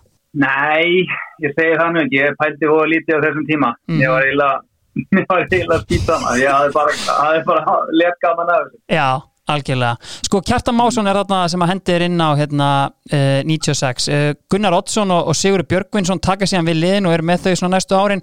Var bara svona sama veist, ára yfir Gunna og Sigga hvað svona þig varðaði, svona, var þetta góðu tröppugangur eftir Kjartan? Já, ég var náttúrulega búin að vera með kjartan í nokkur ár. Ég var náttúrulega að vinna með um fótballtöðunum og hann var leikum með kennara minn og hitt þetta. Þannig ég var með góð bond við hann. Við þekktustu vel og hann er bara snillingur og og hann fóði vinnir. Gunni, Gunni og Siggi kom hann inn alltaf 97, já. Þú ég var náttúrulega bara uppalinn þá og horfa þá í sjórnum og spila með káur, náttúrulega báðir grjót harði naglar. Það var svona ákveðið sjokk að vera að fara að mæta æfinga með þeim árið eftir. Ná, Þeir náttúrulega bara legend en Þetta er náttúrulega bara topp eða dringir báðu til góðu þjálfarar með mikinn aga. Ég man ekki eftir einu einustu æfingu að Gunni hafði ekki viljað vinna. Þegar hann var að tapa með einu marki, þú veist, eftir veist, hann stilaði frekar í kortir viðbúð til að vinna, sko. Algjör snillingu, sko. Þannig að þetta voru alveg frábær tíma. Þarna fyrir tímabili 98 þá rakk ég augun í að þú kíktir til Manchester United. Er það ekki rétt hjá mér? Jú, það er bara horfið. Hvernig hérna, þú veist, hvernig var svona, hvað varstu lengi svona, þú getur líst eitthvað aðeins þeim tíma? Ég var þarna með minnið að ég hef verið hann í tværi vikur. Já, Ég fór þarna út með Malla Blíka, Maril Baldinsson. já, Við fórum þarna, vorum hann í tvær vikur, æfðum með liðinu, já, ætlum ekki bara ætta okkur með einustu degi með mig ykkur tvær vikur og spilaðum ekkert leikana. Gekk alveg, ég gekk alveg ágætlega, ég spilaði ekkert æfinguleik og skoraði markana í þessu leik. mhm, Framhaldin af því fór ég til Arsenal uh, með hauginga, einmitt, keflagliðinu. já, Uh, já, þetta, þetta var skemmtilegt. Þetta var, þetta var góð tími fyrir þessu ungan beigja að upplega þetta. voru einhverju leikmenn hann að þú spilaði með þekktir kannski í United og Arsenal í þessum æfingarleikum sem þú mást eftir? Nei, veistu það, ég man ég ekkert eftir, ég man, ég, David Healy, Norður Írin, hann stilaði eitt leik með mér hana, West Brown var á æfingu með okkur, Já, og var aðaliði hérna alltaf æfingu hliðina okkur, Beckham og Giggs og þessi kallar, já. og þetta var alltaf svona skrítið að vera æfaði hliðina þeim, en djúvillig gaman. Það farið mitt svona, veist, við vorum búin að koma inn að, veist, á þessum tíma, það er bossmannreglan er nýttekin í gildi, allir og ömmur þeirra úr íslensku deildin er að fara í atvinnumönsku, en, þú veist, kom aldrei neitt svona sem að hyllaði þig? Jú, Keflæk var bara svo helviti gráðir alltaf, helviti aðeins. ég var hérna, ég var með samningi Keflæk á þessum tíma og þeir vildi alltaf fá okkur á nokkru auðra fyrir mig. Það kom eitthvað inn á bóði annars lægin, aldrei einhverjir svaka auðra sko, en Nei. ef ég hefði verið laus og liður gagvað til að á þessum tíma alltaf, þá hef ég öruglega hoppað á okkur annað. Algjörlega. En e ekki þó svo að þetta þeim að kenna, ég fór út í atvinnumönsku fyrir en ég var 24 ára eitthvað ég fór til Abedín. Já, emitt. Svona af því sem ég heyri uh, Þórainn, þá svona, þú veist þessum 80 árgangi, veist, ég fengi hérna marga í hérna, spjalltimmin sem hafa talað um bara að þú hafi verið besti leikmæður svona í þessum árgangi sem að verður að teljast mjög sterkur svona, veist, þegar þú horfið tilbaka á fyrirlegin í dag, eru einhver svona vombrið hjá þér að hafa ekki farið með þetta einhvern veginn lengra? Já, já og nei, já, auðvitað ég vilja fara eitthvað lengra og gert eitthvað meira. Ég náttúrulega stilaði með öllum yngri landsljónum. Það hefur gaman að taka stepið þar og fara lengra og gert eitthvað meira en, en ég var alltaf mittur. Já, Öglan voru tómur rugli, nýjinn í rugli. Þannig að jú, jú, ef maður horfður tilbaka, ég hef vilja geta að fara eitthvað lengra í fótballstöðum, tímalust. algjörlega. Síðan kannski bara loka spurning uh, besti leikmaður sem þú spilaði með í Keflavík er einhver svona go-to leikmaður sem þú svarar alltaf Nei, mál og andamálum við það að þú ert að spyrja keflinga með hvað, hver er besti leikmann sem spila með. Þetta er allt leikmann sem maður spila með öllu landsliðum gegnum tíðina. Þannig að það er mjög erfitt að plukka einhvern út. en ef, ef ég ætti að nefna ykkur að náttúrulega Gunnar Steinar, hann náttúrulega var frábær leikmaður, Já. skoraði aðra gróða mörgum, svo náttúrulega spilaði ég með Magga Þorsteins, hann var töframaður í löpunum. Kjöpfóru Bóttan, Bói, Halli og Höttu þessi kallar. Já, En það sem ég mann mest eftir og er líklega besti samir en minni keflæk, það er líklega Falur Daðarsson, sjúkrafjálari á keflæk. hann svona, hann, ég ætla ekki að segja hann að bjarga fellinu mínu keflæk, en hann svona tjaslaði mig saman fyrir hann til margar ræðingar. Ég veit ekki hversu oft ég fór á bekkinu húnum. hann kláraði það fyrir hann Falur meistari. sjátt át á þig það er hérna helviti gott helviti sko bara geggjað einhvern veginn að hann skuli tala um sko eitthvað, veist, já ég og Kjartan hefum unnið lengi saman ég var hjá hann í leikfimi í áttundardekk þetta er algjörlega Svo er hann líka sko, hann er eiginlega eins og Martin Eyjólfsson þar sem þú spyrði þá sko, þú veist, var ekki bara, varst ekki aðal Já. þarna? og báði svona, já, jú, Já. ég var kókur algjörlega geggjað gæði sko aðrir menn stórtækir á markanum voru þetta leiftursmenn uh, leiftursmenn þurftu að sækja sinni í hann þjálfara af því að Kristinn Björnsson er ekki að halda áfram með liðið. Uh, hvorki skíðamaður nýja dalvíkingur Hlýðamaðurinn knái. Hann fer aftur á hlýðarenda Ok, það sem hann á heima. Í sko- hvaða skipti er þetta í okkar? Þetta er held ég í sko hann, tek, hann er náttúrulega að þjálfa valslið þegar við byrjum. hann kemur og reddar hlutunum þarna þegar það fara að móka Já, einmitt Það er hérna 90 og, Var það í fyrra eða? 94, 5 Nei, sko, hann kemur að bjarga Tók hann ekki við af sig? Nei, hann tók við af Herði Hilmars Hann tók Já, við af já, Herði já. Hilmars Og er að mæta núna í þriðja skipti sem sagt, hjá okkur Arnó Guðjónsson, hann kom óvandinn í umræðina hérna uh, og þeir voru líka í hérna, miklu samtali við Alla Evalds og Óla Jó en að endingu þá mætir hitt færiska stálið Páll Guðlaugsson gæi sem að einhvern veginn hafi bara verið að hýrast í færiðum allan sinn feril, Já. Íslendingur. Verið að þjálfa færiska landslið bæði kalla og kvenna og Hann er ekki færing hann er ekki, ég held ekki sko. Nei, nei. nei, ég held að sé Íslandi, hann á einhverja leiki með Þór en þú veist, þetta er einhver, þetta er bara gau, ég held að sé bara ennþá meira þess að þjálfa í færiðum sko, búin að þjálfa öll liðin eða eitthvað. Hann tekur við liðinu. Ég sko, ég á einhverja mjög steikta minninga því. Ég tengi hann alltaf við leiftur einhvern veginn. Já, Ég held að kona sem kendi mér í fyrsta bekk hafi verið konun hans. Já, já. Finnst þess að hún hafi ekkert um að tala um þetta en svo manneskja fær hér með pillu frá mér sem versti kennari sem er nokkuð tíma kent mér að því að hún sko hún er með eitthvað taktík. Við erum að tala um fyrsta bekk. Mm. og hún uppnemdi alla krakkana eftir svona hérna herra og ungfrú bókunum nema það var alltaf eitthvað neikvætt ok, bara strákur, bara topp drengur með hérna smá ofvirkni og túrett. Hann bara herra hávær.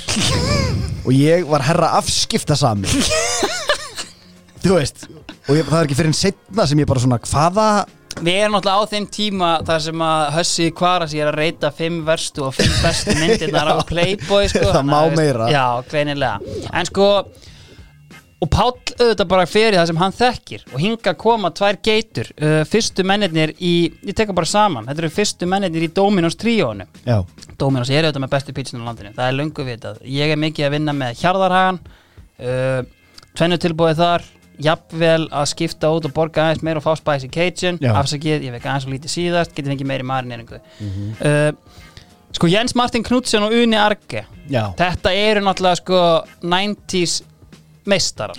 Veist, og bara svona veist, og andlit leifturs í rauninni. Við getum talað um Gunnar Oddsson við getum talað um uh, íslenska jæjatúri Pál Guðmundsson. En veist, þetta eru andlit leifturs ég, þetta, er, þetta er svona þa- það sem ég tengi við, kannski er það og eitthvað svona en, en Uni Arge er bara Já, já. hann er bara hans að staða hjarta mínu sko. meirum hann á eftir sko þeir þurftu að losa sig við Karta Klía það var hann þessi útlendingaregla einhvern veginn og hann var ekki komið ríkisborgarétt og hérna eh, en veist greinilega eitthvað fiff svona með þetta hann fer allavega og hann fer á höfni hótnafyrði í Sindra, bara eitt besti markmaður landsins ég Já. skil ekki alveg hvað gerðist þarna sko en hérna veist, og það var svona magna sko veist, þessi líst eins og að leiftur hafi leist útlendingavandan hjá sér. Veist, þetta er einhver alfálegasta laust sem ég hef nokkuð tíman heyrt um bara, er, já, hendum bara besta markmannin okkar. Að vandamáli leist en, og, síðan meiri segja sko missa er slóput á mílisitt, þannig að þeir standa bara eftir with their dick in their hands og þurfa bara að sækja haug af leikmennum, Gunnar Már Másson fór Auðun Helgason fór þú veist, bara fór fullt af leikmennum, þeir fá inn Kárstein Reynisson frá skaganum, Já. hann tekur hann eitt tímanbil síðan hrúa þeir inn færeingum, bretum og einum nýgerjumanni Peter Ogaba. Hann kemur hinga til lands sem nýgerískur landsliðsmaður að eigin sögn. Að eigin svo Eh, sko, veist, Og engin leið til að sannreina þetta? Greinilega ekki sko, hann hérna, hann var sko hann var talað um, sko, ég fyrir bara að setna hann. Segir einni átta landsleiki ég reynda að googla hann mann, ég fann ekki staka, stakan staf um hann sko, og þú veist bara ekki séns einhver gaur í nýgeríska landsliðinu með tæpa tíu leiki bara, þú finnir ekkit um það. Ég meina Nígari er þarna bara household nafn Já, ég meina þeir eru þarna, já, já, og sko, unnur ekki veist, þannig með kanu og hérna eitthvað, þið glemdu því að það sé ekki til neitt um hann. Allana, flottu spilari og gerði bara ágættist dæmi hérna, sko, en fyrst og síðast það var homecoming hinn íslenski jæjatúri, Já. komin tilbaka oh, yfirferð á miðina Já, og bara, þú veist, þá einmitt takk fyrir það. herru, færum okkur þá bara yfir í yfir í sumartíman, er það ekki? Hefur ekki bara fáið upp Mango Jerry? þarna Sko IPVF þróttur það er fyrsti leikurinn í mótinu og sko þróttararnir þeir eru hálgerðir entertainers þannig til að byrja með Ok. uh, þeir byrja móti á tveimur þrjú þrjú leikjum þar af á móti Íslandsmeisturum eigamanna Er þeir trillti nýleðar stemning? þeir eru trillti nýlega sko, það, ó, sko bara til sönnunar um hversu trilltir þeir eru þá er náttúrulega villum á pillum Vá. graðnaglinn að þjálfa liðið. Já, svo heitasti. Og sko málið að þeir hefðu komist upp úr lengjudildinni þökk sé sko ótrúlega strike partnershipi frá Einar Erni Birgisinni og hérna Einar Erni Birgis og Heiðari Siguránsinni og svona almennt mikil big dick energy í liðinu sko undir stjórn Willems. En það sem gerist þegar koma upp Heiðar Sigurjóns fer breytur en nafn Heiðar Helgusson Bless Já, Þetta er er- curve Já, Ég var tek- bara, já, tekin. þessir Vá sko, þú sér þetta meira þess að sko í DFF sko, þá meira þess að ég komin að kemur svona tímapunktur Heiðar Helgusson áður Sigur Jónsson innan svega sko. þannig að menn eru svona, þetta er svona al, Né, þetta, er al, já, ég. já, þetta er svona algjört rýbrand sko. uh, hann fyrir til Lilleström og byrja náttúrulega strax að raðin þekkjum öll þá sögu Einrætt Birgis fyrir sömulegis í atvinnum mennsku til Linn ef ég mann rétt en þeir samt mæta og þú veist, sanka að sér. Þeir fá Dada Dervits frá liftri enn eitt maður sem fer frá liftri. Sko, og er að gera sitt allra besta til að halda sér uppi. Þeir eru líka með konga úr fyrstu deildinni svona, þú veist, þannig að þróttara, köttara, kjarna Fjala Já. Þorges er ungur í markinu Vaffa var fjórir, Villi Vill hæstir þetta lögmaður, er í bakverðinum og veist, auðvitað kongin Palla Rækjusamlóku Já. þessi gauðra er allir í liðinu. Svo sækja þeir Kristján Jónsson uh, frammari sem var búin að vera í atvinnumennsku þarna lengi og þeir fá tvo strækjara. Hrein Hringsson og leikmann nummer 2 í Dominos tríónu Thomas Inge Thomason Númer, Já, þeir eru saman þeir eru saman eitt Já, bara já, þannig að já. Tómas Ingi Tómasson kemur þarna inn í hérna, já, þannig að veist, það áalega skora mörkarna og það er heldur betur að gera. Sko, þessi leikir þróttara, þessi 2-3-3 leikir annars er á móti IBF og hins er á móti Val Móli, á móti Val fekk Kristján Jónsson tíður, raut spjald eftir 15 minútna leik. Íslandsmet. Ok, já, aldrei verið snegra? Nei. Ha, Þetta met var slegið í umferðinu eftir þegar Baldur Bjarnason, flugmaður sem hafi verið dregin á lappir hérna fram hann fekk rauðspælt eftir 14 mínútur. Allavega, og stendur það enn ég veit það ekki við þurfum eiginlega bara að sjá hvernig þetta fer eftir því sem við tökum Já, upp meira sko. en ég trúi ekki að standa ennþá. 14 þetta mínútur, er það bara- hlýtur að vera eitthvað meira sko. Sko, Skæin er búin að slá þetta á þessu tíma. Sko þetta er ekki það sem að koma skildi í deildinni sko, því að þetta var við þurfum eiginlega að stela einslæðinans hjörvar sko, boring. Sko, eftir fjórar umferðir í fjóruðu umferðinni, þá voru skorið fimm mörg og eftir 20 leiki þá var helmingurinn búin að fara jafntefli. Bæði þessi eru met í tíulega deilda á þessum momenti þetta var bara 0-0 engir leiðilegur en KR og bara, þú veist, það voru engin mörg að koma nema frá þrótturum Sko, uh, upp á Skaga kom náttúrulega Mihailo Bíbersits aftur. Ok. og það er helviti Hann skemmtilegt hafði farið í stjörnuna. Hann hafði farið í stjörnuna Já, og var hann að komin til Júkoslavi hringdi bara í Loga, bara Logi, ég er klár. Og Loga vantaði strækir og hann bara, herðu, ok græjum hann, bara fáum hann hérna. Kaupið tvö flugsæti Já, eða, það var nákvæmlega staðan. Logi var alltaf, hann var svona alltaf að fresta því að koma Míhælo sko, þetta var svona eitthvað flugi, eitthvað að, ég kem eftir smá, eitthvað, og Logi var heyri, maðurinn verður að fara að koma, hérna, hann sagði mér í draumalegin sko, og maðurinn verður bara að fara að koma hérna, síðan hann kemur hann. Hann hefur komið oft í slæmustandi en það hefur aldrei verið verra. Og þegar hann mætti hérna. Hann byrjaði fyrsta leikinn og eftir hann, þá fór hann bara upp á skrifstofu. Guys, ég þarf meiri tíma. Já. fór til Júkoslavi aftur bara ætlaði að koma sér í stand. Hann kom ekkert aftur. Um, bara beint upp í vel bless. Og þetta er síðasta sem að Mihailo Bíbesic gerði eftir deild sko. Já. far vel. Já, sko meira sem gerist þarna uh, undur á stórmerki í fjóruðu umferð þegar eigamenn mæta í mjóttina þeir tapa 1-0 sko þeir hefðu gert jafntefni við nýlega þróttar. Þeir hefðu unni skagan sannfærandi en samt einhvern veginn með vinstri þú veist, viðtölu eftir leik svona, já, úst, getum alveg gert betur sko. Og svo rústu þeir Keflavík í Keflavík. Og. Keflavík í Keflavík er alltaf Keflavík. Það er rétt. Sko á sama tíma voru íeringar án sigurs þegar koma að þessum leik. Og aðeins um íer uh, í bóði lenginar en það kom upp úr lengjudeldinni Þeir eru undir stjórn Njáls Eðssonar sem er pappi. Einars Njálssonar á lengjunni. Hell Vá. yeah. Sko, þeir sækja í rauninni ekki jafn mikið og hérna þróttararnir. Þeir eru að koma svona, það er greinilega mun minna til hérna í mjótinni Þeir fá inn Garðar Newman sem hafi verið fyrirleið Skallagrims hann var ekki að koma með Big Dick Energy endilega frá því tímabili. En síðan reyndar þeir koma upp og eru með geggja strike partnership það er ég, það er bara þriðji leikmæðin í Dominos tríóinu Sævar Þór Gíslason Já, já hann kemur þarna inn og með honum, ég ég verði eiginlega bara að gera aftur þeir eru saman, Já. Kristján Brooks þetta er eitt af mínum uppáhalds strike partnershipum í efstu deild Er þetta litli stór? Nei, þetta er litli hvað? sko, ég er ekki alveg með hæðin á Brooksarunum sko, en þú veist Mér finnst það svona tegnalegur í já, minningunni sko. en, sko, en líka einhvern veginn er ekki Sævar meira í hlaupunum sko, Nei, lækka hans já, ekkert mál. Já, sko, hérna, en alla, sko, málið með Sævar er að Sævar er náttúrulega selfisingur Já. við vitum það. Uh, og sko, ég fekk móla frá alla fannari, nágranna mínum og, og mestara og samfélagsmiðla stjóra og rúf Já, hann sendi mér hérna grein sko, að því að þetta er einu ótrúlega saga með Sævar, að því að hann var nánast dáinn 1994 ha? Hérna er bara greinin á MBL kjöt yðnaðarnemi skarst lífshættulega í kjötvinnslu í bráðri lífshættu. Og bara, þú veist, Slátafélag Suðurlands. já, það er bara einhver nýfur bara beint í kviðin á honum og bara, veist, þetta er bara, veist, hörmulegt dæmi og bara, veist, vart huga líf á tímabili. Nær einhvern veginn bara að rífa sig upp og það er sko, hann var að spila þarna á Selfossin alltaf og bara leikurinn þegar hann kom tilbaka, þú veist allir bæjarbúa mættir og bara, bara homecoming prom king sko, en síðan alltaf bara rífa hann sig í gang og er alltaf bara einn, one of the most feared strikers í efstu deild þarna setna mér þegar við komum sko. Allan hann er mættu þarna í efstu deild í fyrsta skipti.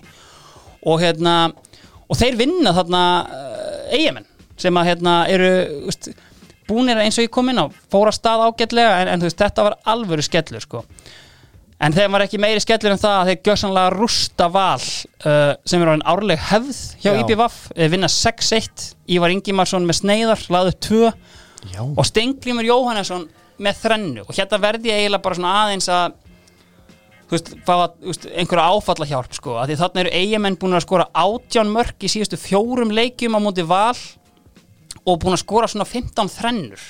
Lengjan, okkar menn já, þeir eru með já. þeir eru með geggjaða stuðla og þeir eru með app. Og þeir voru alltaf að gefa 100 áskall til þeirra já.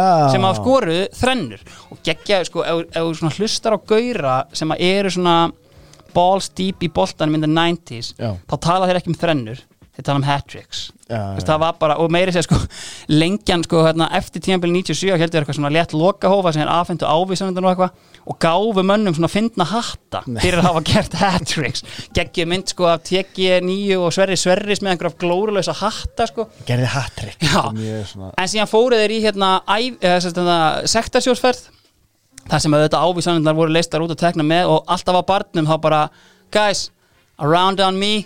Nei joke, í bóði vals.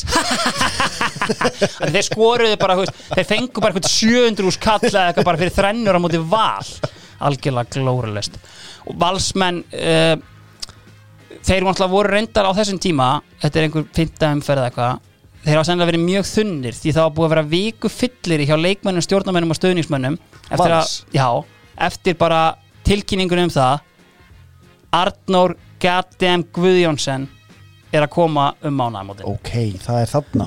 Þetta er sko, þú veist ég meina ef maður bara veltir þessu fyrir sér veist, þetta er basically eftir fimm ár þá kemur Gilvi sig heim og þú veist, veist ef við myndum bara setja peninga upp í breiðholt og hann fyrir leikni já, já, já. veist, hann er að fara þarna í ömurlegt lið hann er að fara heim eða ekki? Veist, það Nei, hann er ekkert að fara heim, sko, hann er vikingur Já. eh, nei, fyrir ekki, hann er völsungur náttúrulega en sko, veist, hann spilaði síðast 20 árum áður í eftir deild, 78 þá með viking já, já, já, þannig að þetta er ekkit þetta er bara random hann nefndi þetta við mig í draumaliðinu og ég menna, þú veist, ef flettir þessu upp bara þá er þetta mjög einfalt, Valur bauð best Já, og þú veist, þetta ekkert hérna launingum og þú veist, dró mikinn dilka eftir sér einhvern veginn svona launakostæðin við hann einhvern veginn. Og Valur í algjörum skít þarna á þessum en þú tíma. bara setja val þarna á leikni þeir eru neðstir í deildinni. Þegar- þegar þegar, hann hann, hann semur þarna hann eru nokkri leikir í að hann komi. Hann kemur ekkert fyrir í júlíklugganum sko. Ok, og veist, það eru ennþá þrý-fjóri leikir. Þeir eru sko neðstir og þeir eru ekki búin að vinna leik held ég þegar hann kemur sko. Þannig að þeir eru bara í hörmulegum málum. En veist, þeir höfðu samt svona veist, þeir eru reynt, Kitty Björns mættur þarna, fá Óla Stíks frá fylki. Ok. Uh, sko kemur þarna ákveðin kongur á æfingu hjá Val. Besim Haksejani.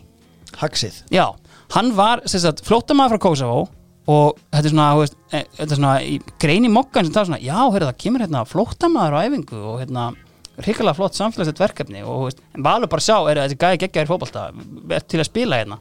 Þá koma bara einhverjar stjörnu háar launakröfur frá hann, hann að hérna þeir sömdu ekki við hann sko. Hann hefur verið eitthvað dúkur hann úti. Já, hann fer í káir uh, sem er ekki við val. Þeir fá Ingolf Ingolfsson frá stjörnunni. Þeir fá Hörðmá Magnússon aftur frá leiftri uh, en missa, eða missa Hörð Magnússon, hann prófa að spila í lit en hann skora bara í svartkvítu hann fór aftur í FA í fyrsteldina og það er ekkert að frétta af val. Bóttbáratan blasi við sko, veist, það var lítið skora þarna, sagði ég, uh, það var ekki að sjá á markatölu vals því að þeir hrúuðu á sig mörgum uh, voru þarna búin að fá á sig einhver 16 mörg eftir 5 leiki sko, þannig að þetta var alvöru, sko, þetta var hræðilegt. Verkefni fyrir Kristinn Björnsson. Sko málið er að sko IPVAF, þetta var alvöru statement að því að sko deginum áður, þá höfðu liftursmenn farið á toppin uh, sungu og trölluðu allan leikin köttararnir auðvitað, þó þeir höfðu tapað já, þessum leik. já, já. Köttararnir, endalöst að myndum í DFF af Gunnar Helga með einhvern fyndin hatt og fyrir aftan hann er Haldur Gilva að öskra eitthvað hennar völlin bara, þú veist, við eins í 20 ár Já, lífið leikur við þá já. get ekki neitt sko. Er eitthvað núna bara á Ölver sko að hérna, fagna ennþá 7-0 sigrinum sko. Þetta svona fyrir mér ef við förum aftur í Pál Guðlaugsson og svona þennan glugga hjá honum. Segjum þessi gæi myndi eiga hennan glugga í dag Tom og Elvar Geir þeir væru sko með hnífana á lofti bara. Þykist þú ætla að mæta með þetta lið, Já, já, þú veist bara já. eitthvað glemdu því. Og svona, þú veist þetta er svona, þú veist, að því að, þú veist ég veit ekki hvort það sé bara hjá sjálfum mér en svona, Páll Guðlaugs var svolítið að svara mönnum hérna, komið með leiftur á toppin en eigamenn bara bombuð þeim beint aftur niður og hérna, sko útlendingahersveitin hjá leiftir var bara í góðum gýr hérna, og, og Jens Martin algjörlega slá í gegn hérna, alltaf gargandi eitthvað inn á völlin eitthvað, veist, á Karakter. Nígeríumannin Já, og, og já. bretan eitthvað sem enginn skildi á færi sko Mér finnst hann vera svona, hann lifir svolítið í minningunni hjá sem, sem erum okkur eldri og voru að fylgjast meira með þessu þarna. Hann er svona köld híró hann var náttúrulega alltaf með fyndna hatta. Já, alveg já, og, hérna, og sko, einhvern veginn sko, mér líður alltaf eins og hann hafi verið með svona sokk á haustnum, en veist, þetta var actual húa, svona dúska húa Já, einhvern veginn, en þú veist, geggjaða gæi sko, K.R. eru eina tablisa lið eftir sex umferðir. Uh, en það er samt ekkert að marka þeir eru gerir skýta jafntefli út um allan bæ. Og það er Mm. mikil vandræði með markaskorun. En þeir eru að múra fyrir. Og fá þessi eitt markaðna á fyrstu sex leikjunum en skora bara sex mörg og þar af sko þrjúa móti í er en það stefnir allt einhvern veginn í rosalegt mót. Uh, Liftur, Skæin Eyjamenn, Káer þetta eru svona liðin sem að eru í hérna, fínu standi. Það byrja vel og algjörlega niður njörfuð við botnin eru Reykjavík og Stórveldin fram á Valur. Fram með tvö stig og Valur með þrjú stig. Sko fram sko, erfiðleika með að skora þeir voru í alvöru vandamálum. Þeir, bara, þeir skoru ekki neitt. Þeir konu með eitt mark eftir sex leiki Geiri El með einhverja tengiliði í bakvörunum Já. búin að, sækja Baldur Bjarnason uh, sko, og eru bara samt rosa mikið að keira á sama liðinu. Kristó Sigurgeirs þarna og eitthvað og í júli klukkanum fáið Steindur Elísson markavél úr Kópavogi, Já. pappi Kristinn Steindorsson Takk. fyrir og síðan sko það sem að gerist er að sko Ási Arnars stígur upp og hann fer svona aðeins að hérna læða inn mörgum og svona veist, og þeir svona koma sér upp úr þessu bottsæti sko en eru samt í bullandi fallbaróttu hérna allt uh, sísonið sko sko við förum í uh, annan þriðjungin sko kæplíkingar þeir fara á toppin uh, þökk sé tveimur new signings. Þeir hefðu mist Gunnar Má Másson sem var svona marquee signing fyrir tímabilið í meðsli Kjartan Másson einhvern veginn, hann bara gati ekki yngliði meira upp. Þannig hann samþykti þarna að það er rifið í gikkin, sótti tveir útlendingar.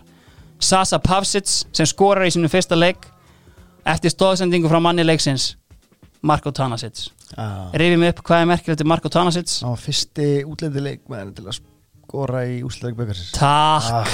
takk fyrir það ári er Þú ert alltaf að hérna, þetta er bara hérna. ótrúlegt. Það rugglir í gangi. Sko, skagamenn sækja sér líka liðstyrk það var enda svona töluvert hérna, erfiðara dæmi. Sko. þeir eiga auðvitað Vitorsmann í Eistarsaltinu Teitur Þórlarsson hann er Ah. þetta að þjálfa Flóra Tallinn og Teitur lánar þeim einhvern leikmann Sair Sate.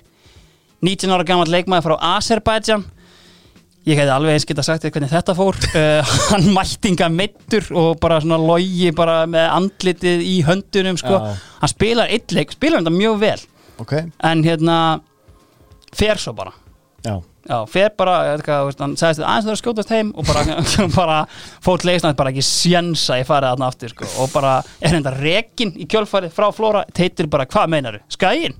Bara, þú veist, rekur hann Þetta mjög fyndið sko að hérna eftir þetta þá, veist, ringja ég greinlega í teit aftur og bara teitur, geðu okkur einhvern leikmann hérna.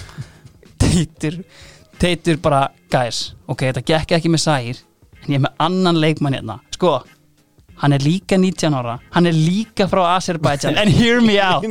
Og ynga kemur Ruslan Masayev uh, og hérna, hann spilar tvo leiki áður en hann fer aftur sko. Þannig að þessi gluggi og veist, skagamenn eru veist, í bölu, en þeir ná einhvern veginn að hanga í, í efstu liðunum og eins og ég komin á hann Arnór Guðjónsson er mættur. Og hann er bara að leika sér hérna. Ok. hann er 38 ára eða er hann 30, sko, hann er 61 mót, hann er 37 ára uh, í fyrsta leiki deild þá sko smýr hann einhverja neglu aukaspinnu utan að kanti bara beint upp í samskeitin Er það á lögutarsöld? Þetta er ekki það, Nei, þetta, pældi, þetta er ekki eins og það. já, já. Veist, Þetta er bara samt, hérna, hvort þetta er á móti Grindavík.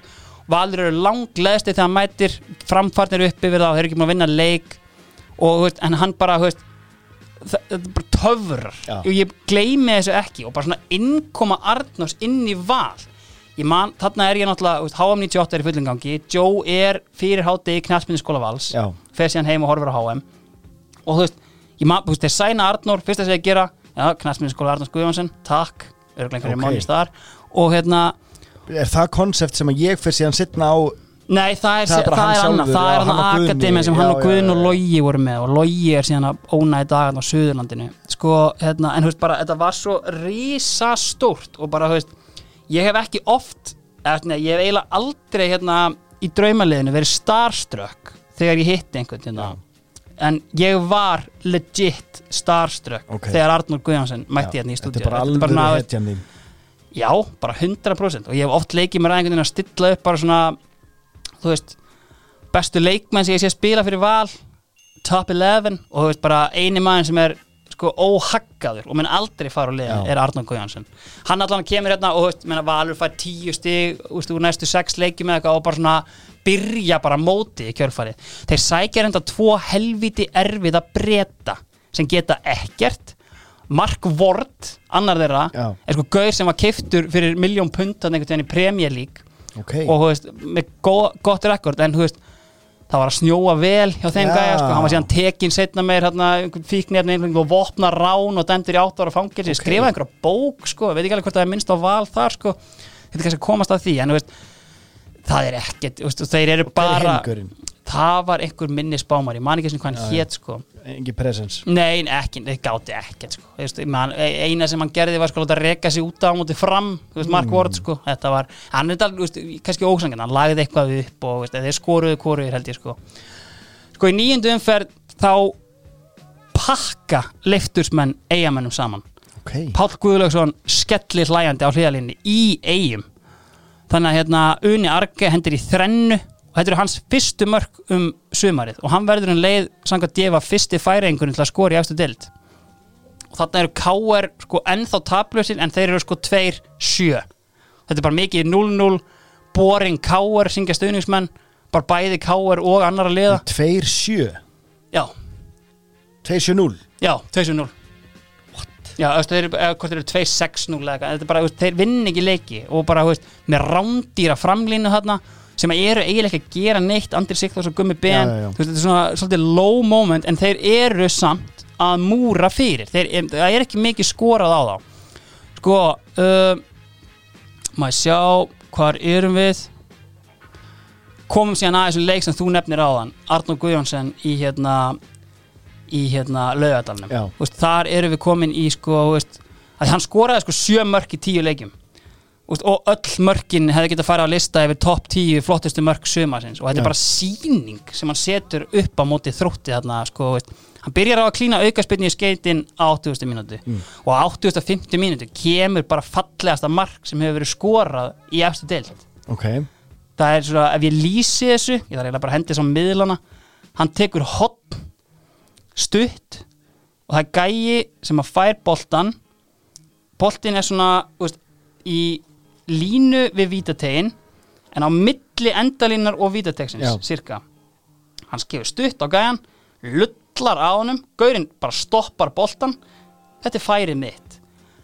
Hamrar hann bara banana sveigur bara í samskeitin Fjalar þessu. Þorgers á sko lastna TV skutlu á ekki séns í þetta svo sem á ennþá minni séns í þetta er maðurinn á stönginni.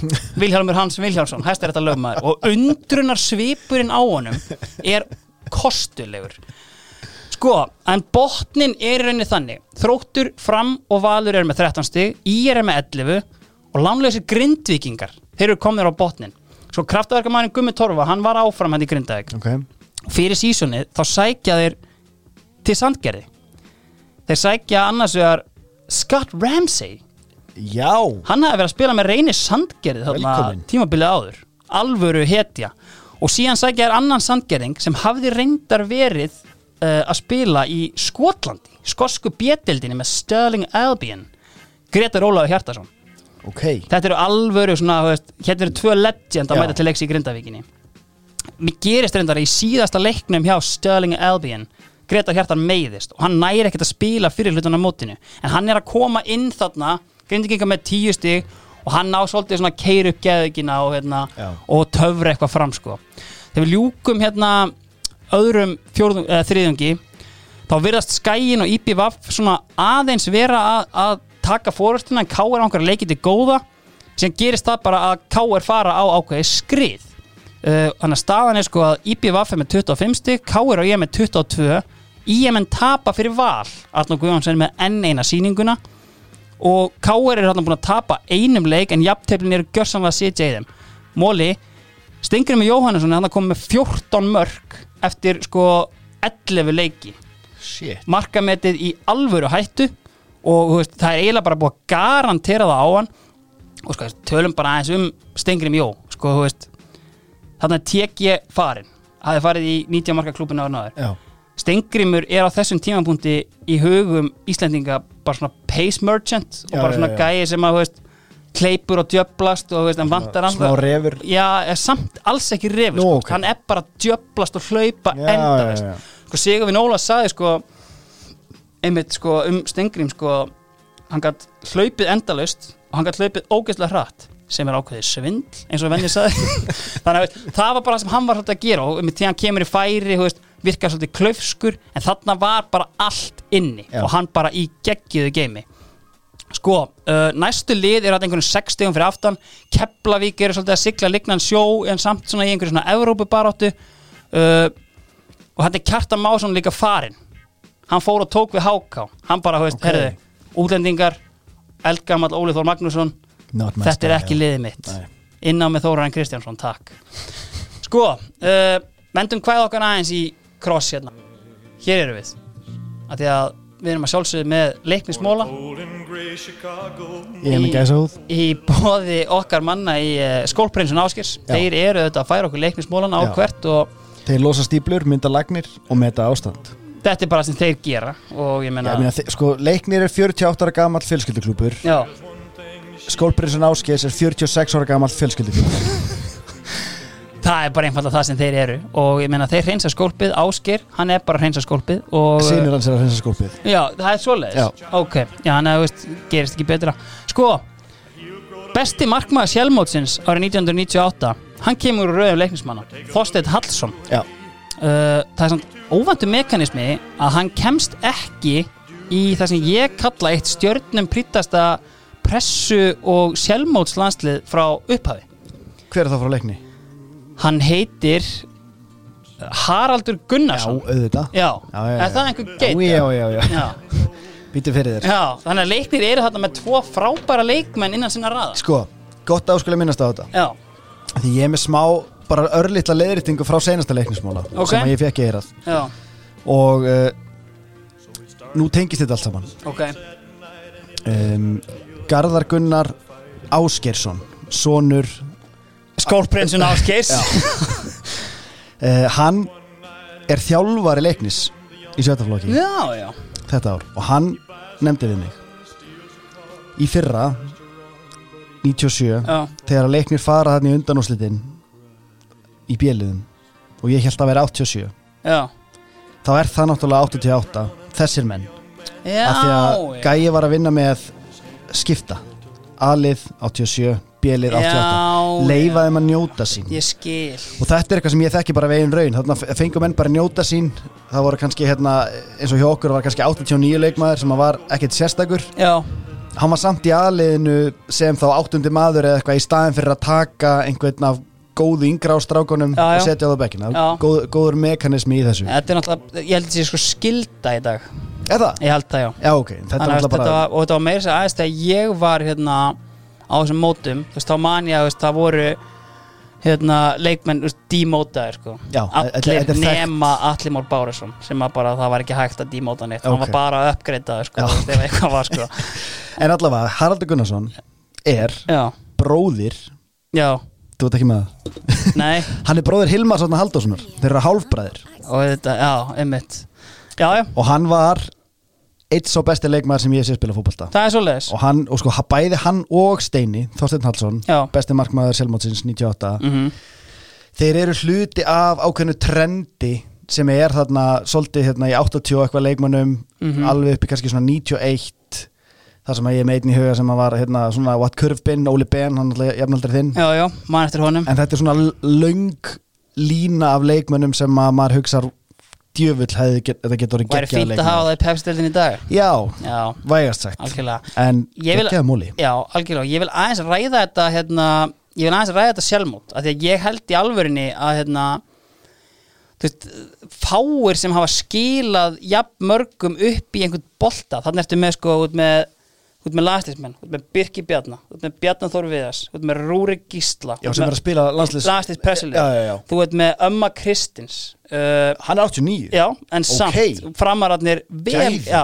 vel graðir líka bara pæla ekkert í aldurskiptingunni Nei. það er bara svo besti hér er líka bara með gauðra eins og Haldur Smára Alexander Veigar út líka með gauðra úr atvinnulífinu Jón Davíð Davíðsson Jón Davíð Davíðsson hérna Hurra Átó út með Stefán Jónsson stjörnumann og stjörnulögfræðing í ráðunetinu þetta er bara svona veist, ég hef ekki, veist, að ég hef rekist á margar svona mörg þessi lið. Já, ég hef ekki séð jafn, svona, veist, mikið af leikmönnum sem hafa svona skilað sér upp sko. þetta er náttúrulega líka bara kannski allsherjar gullöld sem að landsliði síðan setna eitthvað svona Já. verður þú veist, þó að þetta sé ekki þessir aðaleikmenn þarna Nei. þegar árun eftir mm mikið til sko, Já. þetta gæti verið eitthvað, Já. svona, eitthvað í vatninu algjörlega Herðu, uh, þá er nú bara komið að því ef ekki bara vinda okkur í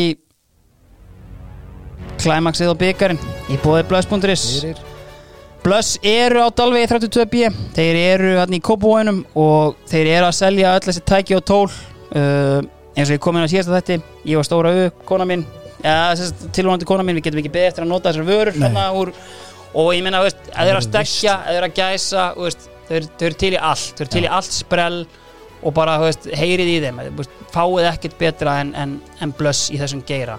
Og Instagramið. já, en, veist maður læri svo mikið Já. Veist, þetta er bara, og líka bara svona þegar maður er í einhverjum pælingum og maður bara svona einhvern veginn heldur að maður sé einn í þeim sjá að maður á sér einhverja svona Já. samferðamenn í, í svona sínum mekanisma. Sko það byrja aðeins á byggarnum af því að þú veist sko, ég, ég er náttúrulega ekki búin að minnast á það en þú veist, Arnó Guðjónsson er búin að taka alla fyrirsakningin þetta sonur hans auðvitað mætir líka. Heyrðu, já, Hann kemur hérna rétt fyrir mót í engu standi með hérna, pottaklippingu skipta í miðju með, tvöflugsæti takk. Já.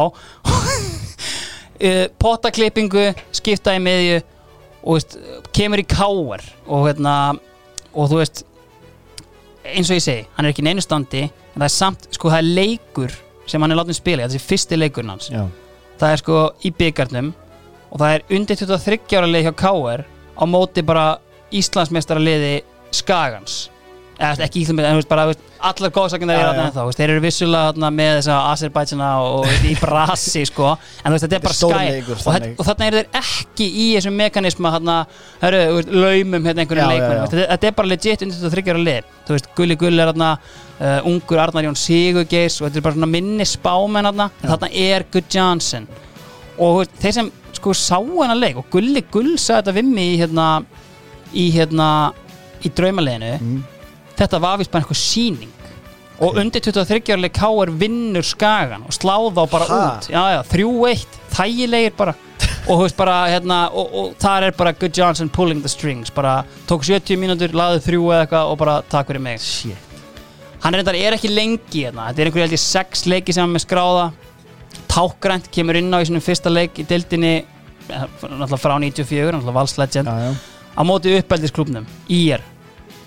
Þannig að þú veist, hérna, kemur inn á Skemmtilegt. þar og þú veist, jú, jú, hann sýnir einhverja takta en þú veist hann fer ekkert að sína alvöru takta fyrir en að hérna, hann er fenginn á reynslu hann til Bolton. Já. og þú veist, þá sko einhvern veginn Guðni Bergs við tala um þetta er bara einhver algjör greiði sem hafa gerði Já, þetta bara eitthvað, eru, jú, jú, kóttu hérna en, þú veist, ég hafði nú miklar áhyggjur af standin á hann bara eitthvað, en, þú veist, en hann var bara mist með síningu þar fyrir Colin Todd. Og hérna, og það, hann er bara sænaður strax þú veist, hann er bara farinn, enda á þessi maður ekkert að vera þetta, og þetta er smá sorglegt finnst mér að hérna þú veist, ef hann hefði ekki komið hérna heim ég var pæla svo mikið þegar Theodor Elmar var að koma tilbaka Mm.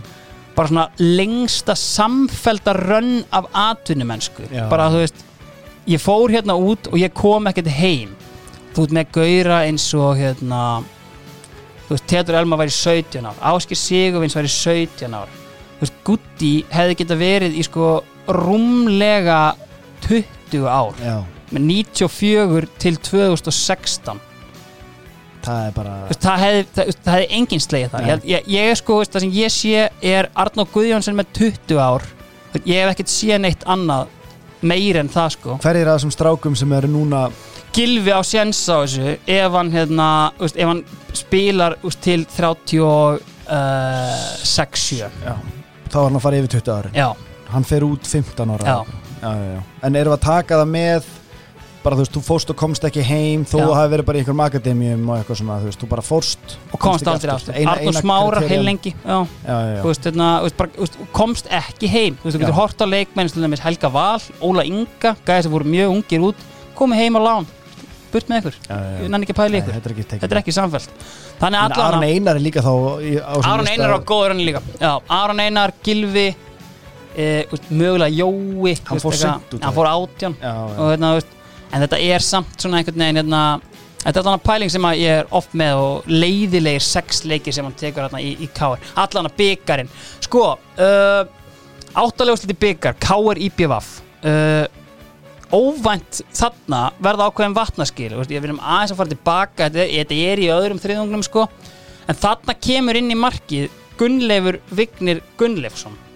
Ok. Stjáni er í einhverju brasi. Uh, hann hafði tekið svolítið með sér hann hafði verið hjá Air United þarna um veturinn. Ok, og hann lendi í einhver svona YouTube momenti og ég er einhvern veginn svona sálgreinan þannig að það hafi svolítið einhvern veginn verið að fara í hausin á honum. kasta inn í eigin mark Ja, bara nánast sko. Það kemur ömurlegt skot á markið. Hann hann fömblar boltan en þess vegna er bara að fara í easy pick-up tekur hann upp slæra hann einhvern veginn og missir hann hann fer í hælin á honum og bara beint fyrir framann strækirinn á marklínunni sem að klára þetta, þetta svona, veist, og þetta var sko síðasta markið í fjögur eitt sigri. Allan að, hann, veist, bara Stjáni, allir það segir bara Stjáni. Já. komið gott. Gulli í markið sem er reyndar við, við reyndar farið yfir það þeir voru ekki að fá þessi mikið að mörgum en eitthvað var það Já. að gulli er settur í markið og hann klárar tímabilið. Sko eigamenn vinna hann að leiki framlengingu Kristinn Hafleðason með marka á 100. mínútu og eigamenn eru farnir að dreyma sko ef við ræðum aðeins sko Kristinn Hafleðason það er gæði sem að ég vil setja smá virðingu á, Já. nafni hjá Gæði, kannski ætti meira við í sittni þáttum en hann er svona hinn íslenski Robert Ory Big Shot Rob won it five times fór víða fór víða, vann endalast á titlum vann fimm Íslandsmeistaratitla sem svona rulluspilar alltaf. En þetta spilaði, þú veist, held ég alla leikina það var með K.R. eitthvað eitt árið sko. En ég menn hann eru Íslandsmeistari með IBVF Íslandsmeistari með K.R. og Íslandsmeistari með Val. Það eru þrjú lið og það eru ekki margir sem eiga Íslandsmeistaratitil með þremur liðum. Veistu hvaða liðan er skráður í dag? ég ætla að giska á sko þetta er annarkvort Ármann eða Carl það, hann var það. Oh, hanga til árið 2012 já, þegar hann skiptir yfir í leikni Reykjavík. Það er svoleiðis. Og ég man ekki nákvæmlega hvað þetta var. Ég man bara eftir að hafa séðan upp á, upp á auðgarsæði já, já, einmitt, auðvitað er hann leiknis legend. En það má reynda að taka fram sko að hérna hann hefur reynda líka fallið með þremur liðum. Það er eiginlega Ah, alvöru móli. Hann hefur fallið með, já, fram fram, þrótti og uh, sennilega vikingum ef að ég er ekki að fara með nátt mál. Allan að Kitty Haflega, hann skýtur þeim þarna í undanúrslitin, önnulegi í undanúrslitum Leiftur, Grindavík og Breiðablík það er alltaf eitt lið úr bjettildin að lægast þarna inn. Sko, undanúrslitin IPVF finna blika auðveldlega 2-0 á heimavelli og Leiftur klára Grindvíkinga í Grindavík 0-2 Uni Arge og Radoslav Lasorik Páll Guðlaugsson gaggrínendur Joe í yfirfæðinni Eat your heart out sko, veist, einhvern veginn ég hafði enga trú á þess að ég var að lesa þetta en þú veist, sko Július Tryggvason og Andri Martinsson það er svona the ever present Já, pulling já. the strings þarna. Og þetta er náttúrulega Páll Guðmundsson er komin heim. Já, já. sko síðan er það byggarsluleikurinn það er IPVAF leiftur 2-0 sigur og þetta er rauninni búið á 3050 mínútu. Því að smá setback fyrir okkur svona var sumarið stjórnendur og fans. Ok IPVAF eiga þarna harða sók sem endar á skoti á marki sem er varið á línu með hendi af Páli Guðmundssoni penalty, red card. Stengri með Jóhannesson á punktinn skorar. Og síðan er bara ekkert var þetta Suárez dæmi, Já, já. hann ætlaði að bjarga liðinu sínu og hefði ekki verið hetja. En þetta er náttúrulega 3050 mínúti sko. Hann að hérna, Já, veist, ég veit ekki alveg hvað hérna, pælingin var hjá honum. En það er líka bara gett fallegt sko að Stengrimur skorar djúpt inn í setni hálfleik þá fer sko Hjalti Jóhannesson mannstændur honum, já, bróður hans já, nýkomin hann úr utan dildinni bara. Hann bara hleypur úr vinstri bakverðinum bara svona þvert yfir völlin 45 gráður hlaup og bara klárar 2-0, Ok. bræðurnir með sigumörkin pottet einu bræðurnir til að skora í sama byggjastleiknum já, Það er að challengea þetta. Allar og Bjarki mögulega. Nei, ég efast um það sko. Allan að IPVAF klára byggarinn já. Þriðja skiptið í röð í byggarúrslitum Það hefur verið þrautar ganga að klára byggarinn Þeir eru orðnir byggarmeistarar Komum fagnand á fónin og allir létti með það. Sko, það var helviti aðtekisvert að hérna leiftusmenni auðvitað í fænalnum. Og ég nefndi hérna Nígeríumann á hann já, Peter Ogaba. Já, Hinga kom nýgerisk sjónvastuð að fylgjast með honum frændaðinum Ha? uh, Já, uh, uppreist æru nei, nei, þetta var eitthvað algjör leikþáttur sko. þá, þá kemur inn nýtt sko Víðir hefur verið að gleipa við öllu Já, sem hafa já. sagt sko Herru, hann á einhverja 80 landsleiki fyrir hérna ímsu aldisflokka Gleimdu þessu 80? Já, það er ekki sjens Við vorum meiri sér að hérna, að tökum bara eftir En sko, veist 80 landsleikir 8 landsleikir fyrir A-landslið Þessi sjónvarstöð Þetta hefur verið einhver frændans Já, sem já. hefur komið hérna og bara, eru það er alvöru áhuga og ógapa hérna á Íslandi veist. algjört rugg sko. herru, og náttúrulega veist, allt við hennan leik þú veist bara draugar fortíðar þú veist bara hérna frá árinu áður öll þessi víti sem Já. fóru forgörðum hérna stingrimar á punktin svona bara gera þetta og það var einmitt sagt sko, Bjarni Jó hefur sagt sko á nokkrum stöðum fyrir tímabilið þá var hérna þá vorum við að debata mikið vítin. Tryggve farin uh, og Slínu Stefi þetta klúðræði í byggarsleiknum Stengur mig Jó ég tek bara þessi helvítis víti. Það er orðið rétt það sem hann sagði. Bara, veist, hvað er það eiginlega? ég tek þetta bara. Kláraði öll vítin þetta tímabil. Allavega að deildina aftur. Og við verðum bara að fá þetta aftur á já Sko uh, Eyjamenn halda góðum buffer í fórskotinu Þeir gera reynda jafntefli við val 0-0 og hleypa káeringu svona aðeins að sér og káeringar eru á ótrúlegu skriði. Þeir eru búin að vinna 5 leiki í röð og eftir að Gulli fer í markið mínus þessi byggarleikur Já, þá er þeir bara búin að halda hreinu. Búin að halda hreinu í 5 leiki í röð. Það er engin svona stand out leikmaður sóknarlega. Það gummi vaknar aðeins setni hlutan, hann enda með einhver sjömörk Andri er svona upp og niður jújú, jú, valsmaðurinn Insi Dan er skeinandi upp kantinn uh, þetta er bara varnarleikurinn. Og þá komum við líka inn á mann sem dettur þarna upp í hendunar á þeim á einhverjum tímapunkti. David Winnie ah, skoska stáli hafði komið hérna með Aberdeen eins og við fórum yfir. Já, heitlaðist á land og þjóð. Og allir sagði ég þarf að fá Winnie hérna. Já. Winnie the Pooh, kallaði allan alltaf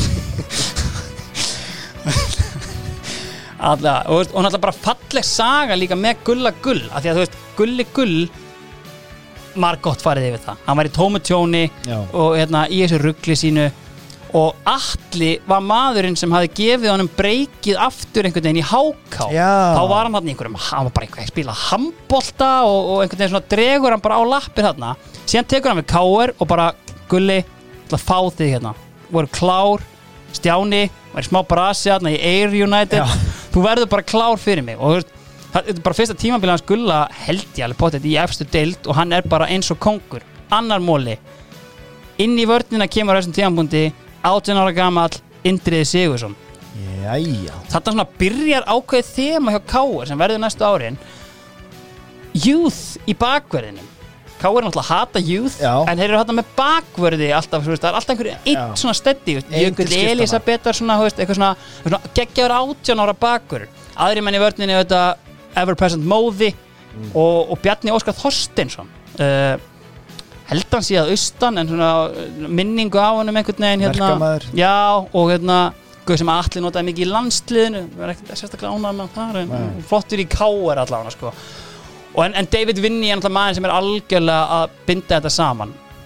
Sko þegar allt er í algjöru klæmaksi þá kemur algjört anti-klæmaks því að eins og skrattin og sögðarlegnum þá byrtist úrslitaleikur dildarbyggarsins Dild, dildarbyggarinn hafi verið settur þetta tveimur til þremur árum áður. Ég hef ekkert nett að fara yfir hann sko, þetta er bara, na, þetta er bara lengjubyggarinn Já. sem er þetta geggjaður. En þú veist en þetta kemur bara allt í einu jæja, byggar í bóði Arnór Guðjónsson í sinum fyrsta byggar úrslitaleik á Íslandi. Byttu, byttu, byttu, byttu Mótið er spilað fyrir já, og úrslitaleikurinn geimdur Já, það sem að gerðist var sér sko að hérna, það var komið úrslutaleiknum og Káur og Valur í úrslutum neituð að spila leikin á gerfigrassi þannig að leiknum var svona að fresta og fresta þannig til að Eggi Magnusson bara herðu, við verðum að spila hennan leik og hann er allan að spila þetta under the lights bara á einhverju kvöldi á lögadalsvellinum Ok. geggjaði leikur, 0-0 eftir vennilega leiktíma. 1-1 í framlengingu. Átni Ingi Pétursson pulling the strings hjá Káur sem svona hálf segir mér að varaliðin hafi verið notið þarna á tímapunkti. En, hérna, en þú veist, fyrir vítakeppni og þá er þetta er alltaf deildabyggarinn varaliðin, Stjáni Finnbór í markinu og svona smá þú veist, ver loka vítið tryggið en sigurinn í, Ok. í deildabyggarnum þannig að hérna þú veist uh, já, þetta var algjört svona algjör curveball þegar ég var að fara yfir þetta og, og sá þetta allavega, sko 13. eða 14. umferð valsmenn fá bara gulli tækifæri þegar þeir fá Njalla Eðis Sævar Gísla og Kristján Brooks á hlýðarenda herru, nú klárum við okkur úr þessari fallbarátti Nei, tapa 3-1 Sævar Gísla með tvennu og allt í einu, við erum með fimm lið, bara þegar fjórar umferðir eftir sem geta öll fallið. Valur, Fram, Grindavík Þróttur og Ír, IR. auðvitað. Þessi lið eru bara hérna í blóður í baratu það er bara veist, fjögur stiga millera og öll í þvælunni. Sko förum bara aðeins í hvernig deildin klárast. Ég bara get ekki beðast í lengur. Hoppum í 16. umferð fyrir umferðina eru eigamenn á toppnum með 32 stig. Káir eru alveg í raskatin á þeim með 30 á siglingu. Já, ég meina, veist, sjötti leikurinn the sixth clean sheet. Já. það er bara, veist ekkert, ja, þetta er sko sjöndi leikurinn fyrir ekki þarna er búin að halda hreinu sjö leiki í röð. Gulli Gull er, það er verið að tala um metið já, sem er í eigu held ég ennþá Sigga Haralds, mikill kongur, Já. valsari. Uh, gæti gerði afnara og í þessum þessari umferð, 16. þá K.R. Skæin sko geymum bara botnið náttúrulega eftir því ég verða að klára þetta. Eyjamenn mæta Grindavík. Nefndi áðan Gretar Ólafur Hjartarsson hann er hann kominn aftur og hann er farin að töfra. Litli stóri pælingin já, geymdi það í leiritingahotninu ok. Helviti góður litli stóri móli Sinisa Kekic og Gretar Hjartarsson Ú, Jón Ágúst Eyjálsson, top fan af Já. söguna og sömarið, hendi þessu inn. Kekits er alveg Kekic er big guy, Einn það er 90 100% Já. sko, og hú veist, engin yfirferð skallar, chest, Já. Gretar að hlaupa í kringum hann. Gretar skorar sigur markið í hérna leik á móti IPVAF alvöru dagger og eigamenn eru allt í einu bara komnir upp að hálfgerðum vegg eða ekki eins og upp að vegg þeir eru bara búin að missa þetta úr höndunum af því að KR vinnur skagan þetta er GBN vaknaður hann dúkar upp á 8000 annari mínútu Besim Axel. flóttamæður mikli, hann er búin að leggja upp hann og GBN skora svo á víti og sko við erum með 30 years of hurt í gangi.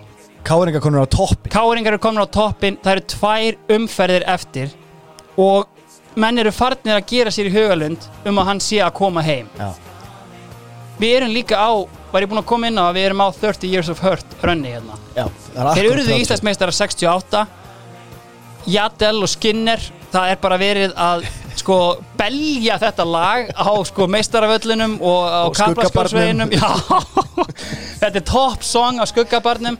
Núna er bara komið að þessu. Víðir sig með fyrirsögn. K.R. Haust okay. Þetta er bara, þú veist, changing of the guards Við erum komnir aftur. K.R. Haust. Ég veit ekki alveg hvað þetta þýðir en Þetta hljómaði mjög Já, skemmtilega allan Sko Hér á sér stað ákveðin afleikur. Við munum öll eftir í þegar lengjan veist, Þeir voru skattfrálsir þá Þeir eru skattfrálsir núna Þeir eru með stöðlana sína Þeir eru bestu stöðlarnir Íslenskt, appið.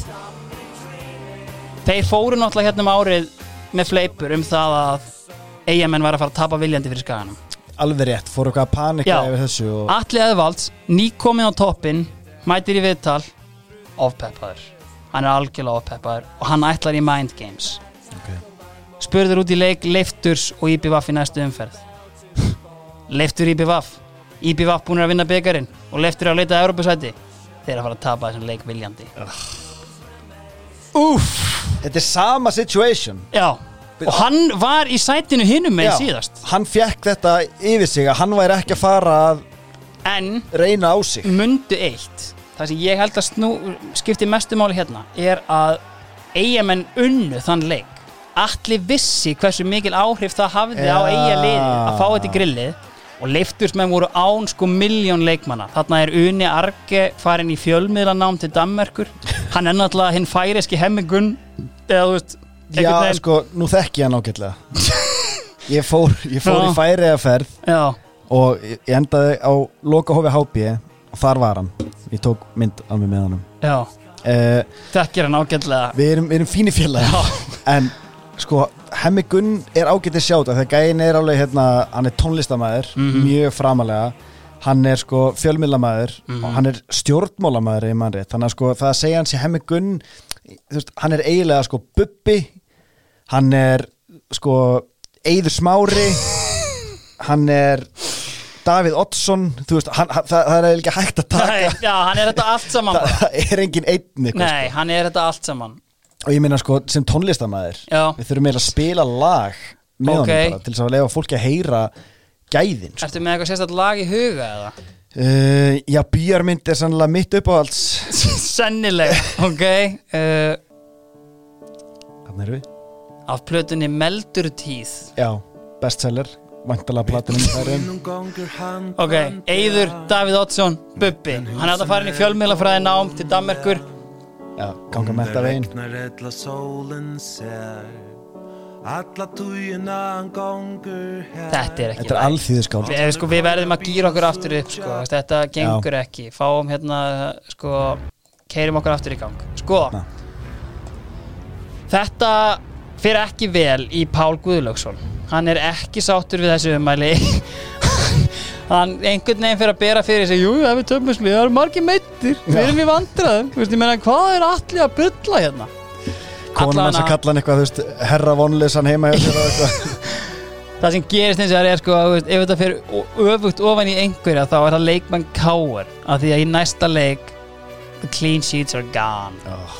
Keflavík vinna káar í Keflavík. Ah, Kíkeak Keflavík í Keflavík er alltaf Keflavík. Sko, Róbert Lilli Sigursson með eina mark leiksins uh, káaringar eru reyndar hérna án Andra Sigþórs og David Winnie. Ah. þeir eru báðir í leikbanni uh, og hérna og IPVF auðvitað klára leiftur. Ég menna, þú veist, Uni er farin Já, veist, og það eru allir farnir, Ógapa er öruglega farin líka eitthvað landsleisverkefni eða þekkan rétt. Þannig að hérna þú veist, swingar pendullin KR er komin í annarsæti EM-en á toppin skæin eitthvað viðsfjari, þetta er algjörlega búið fyrir þá. Já. loka umferðin. Hvaða lið ætlum við séum með? Ó, er KR IPVF í frostaskjólinu pallaleikur, goddammit.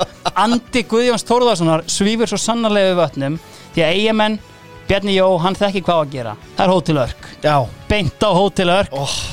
Atli veit líka hvað að gera. Eða svona þannig, hann fyrir á flugvallarhótelið í Keflavík með hérna, hann er sko Bjarni Jó hefur hringt fyrir sísón þegar hann sá uppröðinleikana Alli er að ringja þannig einhvern tímann sko Neyðar allt of símtal. seint. Heyrðu, það er bóka á örkinni eitthvað lusti okkur Þeir eru allan á flugvallarhótelin í Keflavík mætu örgla á senti leikinn og vel þreytir Oh. þarna eftir bílferðina Sko, þessi leikur, ég var á þessum leik uh, Ég mætti þarna Er í frostaskjóli? Já, Já. leiknum var sagt sko senkað uh, eða allir leikirni voru þú veist, alltaf talað um þess að við erum bara að fara út nokkur sinnum og hérna, þó nokkur skipti sko, alltaf mjög heilagt að allir loka umfinni fara fram á sama tíma. En, en í þetta skipti var leikum senkað þetta er ekki heilar en það sko. Allavega sko, Jóavellinum, tróðfulluvellur pallar settir upp, ég á fyrir aftamarkið hérna, sérst, frostaskjóls megin sko. Og hérna þú veist, five minutes in Ingi Sig kemur íbjöfaf yfir. Ok.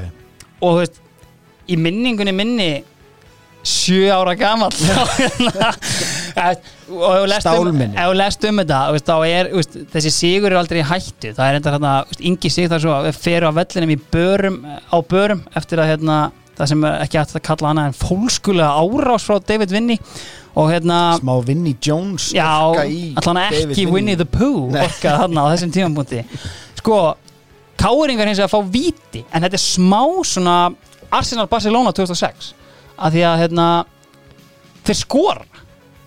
Bara, þú veist, það kemur veist, uh, bara brot í tegnum og hérna, þú veist, bara sama tíma og, og dómarinn neglir í flautina þá fer bara boltið í neti, eitthvað sjálfsmark hjá eigamönnum uh, á punktin stígur GBN hann er búinn að vera að rífa sig í gang skoraði náttúrulega á móti skaganum hérna fyrir tveimurum fyrir síðan með allt undir.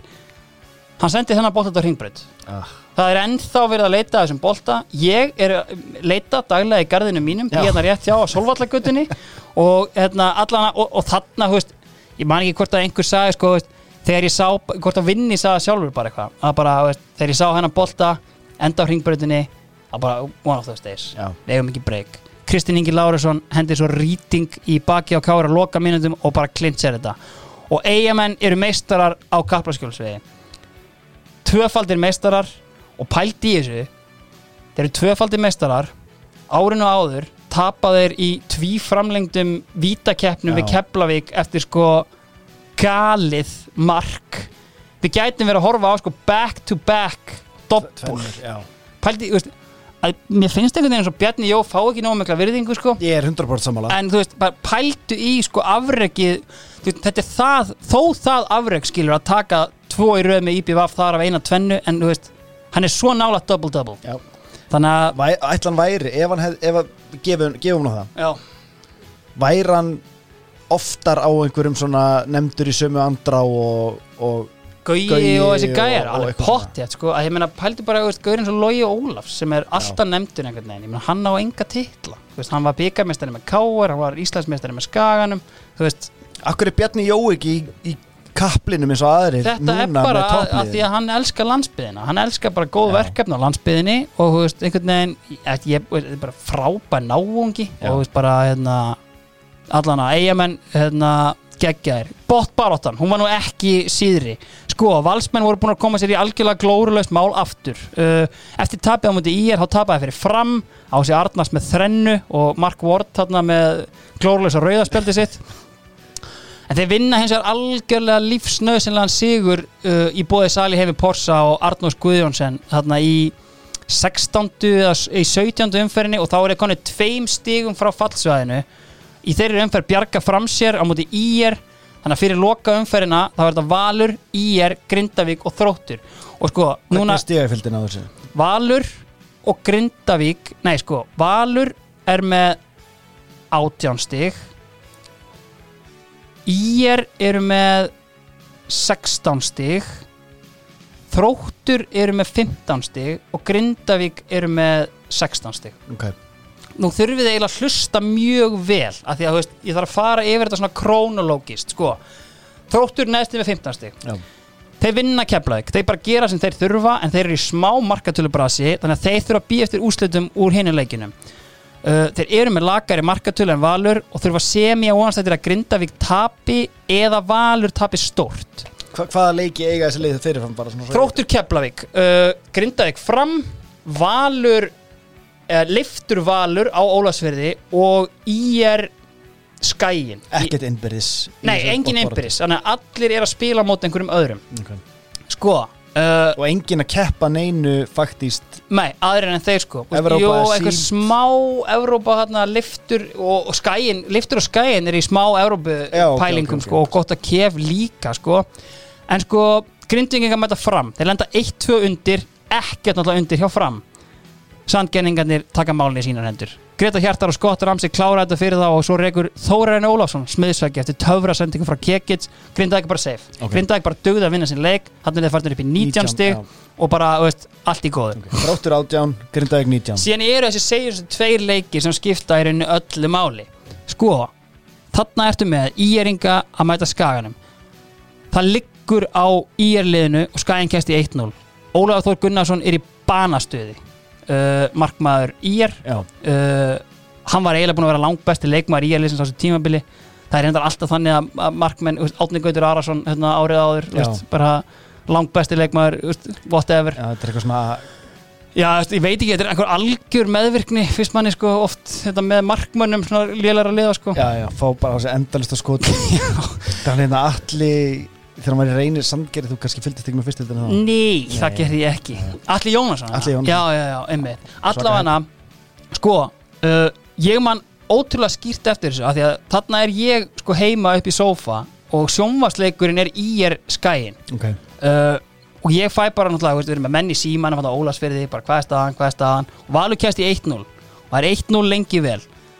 Uh, á sama tíma er skæin yfir á móti í er við erum bara í partí, það er bara Já. partí í grænliðinni, það eru allir léttir 21 stig já, já, við, just, ég, vinnars pappa við erum bara í góðu geimi þarna herruðu, Er gæinn á neðri hæðin, neða öfri hæðin? Hjálmar Blöndal, Já. hann er örgulega að horfa á leikinn sko. uh, ég veit enda ekkert með hverjum hann held sko. uh, ég er jafnar þvert gegn gangi leiksins Ok. á 60. mínútu 17 stig Já, og við erum aðeins það fer aðeins um okkur heima uh, sérstaklega þegar við fáum fréttir af því að liftur hefur jafnað líka. Jú, jú, á 70. og annari mínútu. En þó 19 stig. En þá 19 stig. 80. mínúta. Í íslenski Jæja Túre. Páll Guðmundsson kemur liftursmönnum yfir og brúnirnar þingjast í grænu 18 hliðinni.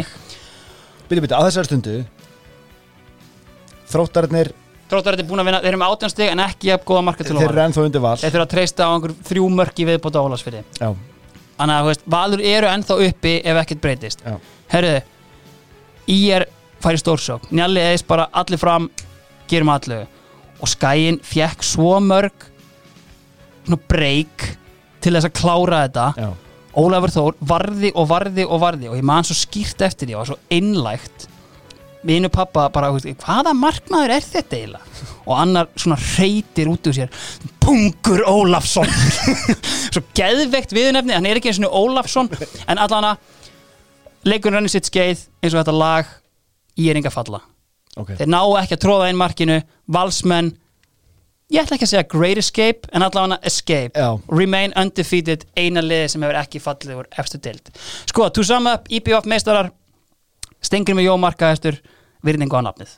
Þú veist, hann náði ekki að bæta marka með þetta sloknaði vel á honum. Eru Grindavík ekki ennþá samt líka með þeim þarna? Nei, grindaði voru búin að vinna fram. Nei, ég er að tala um fa falla. Aldrei Já, falla. jú, yeah, sorry. Já, allavega. Gotcha. Sko, uh, á einhvern magnaðan hátt er David Vinny valinn besti leikmaði mótsins. Komið mitt mótið eða? spilaði 13 leiki. Uh, þú veist, með, veist Er það kostning?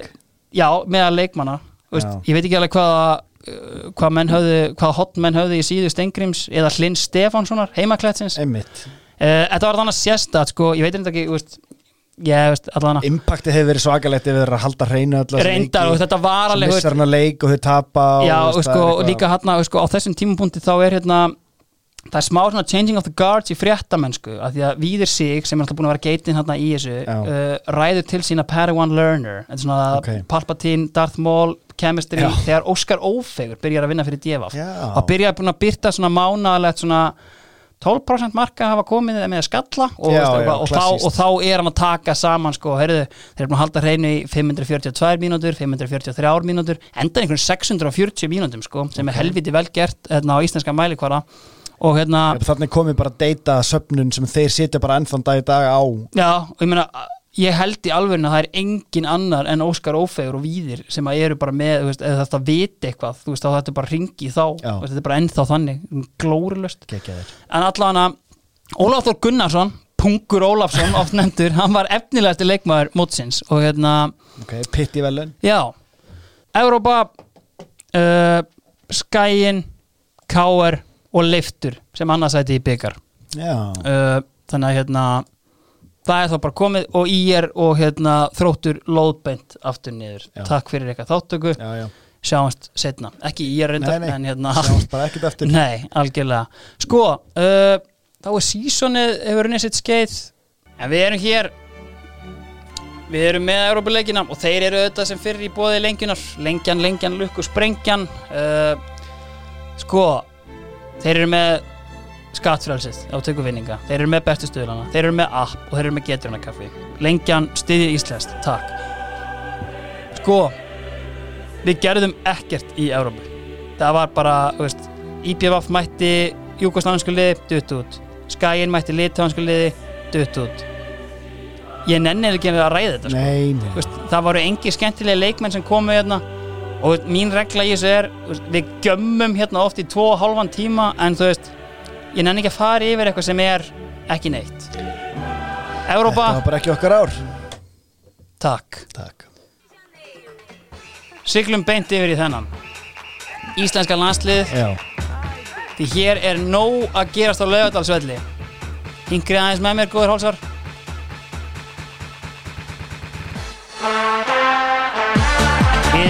góðu game Gauji Þórðar er að gera kraftar já, sko, við mætum hérna frökkum. Og við þurfum eiginlega bara að fara veist, grúndið, við eigum fleiri leiki hérna en þetta er náttúrulega leikurinn. Já, sko, ertu á vellinum í fyrsta lagi? já, já, já. Hvað ertu? Ertu fyrir aftan markina í heiðus hérna, pallastúkunum? Nei, Ég er í Þetta er pallalegur, Þetta er má pallaleikur. alveg kalla þetta pallaleg Hérna, ég er í steiftu stúkunni. Ég er í stæði.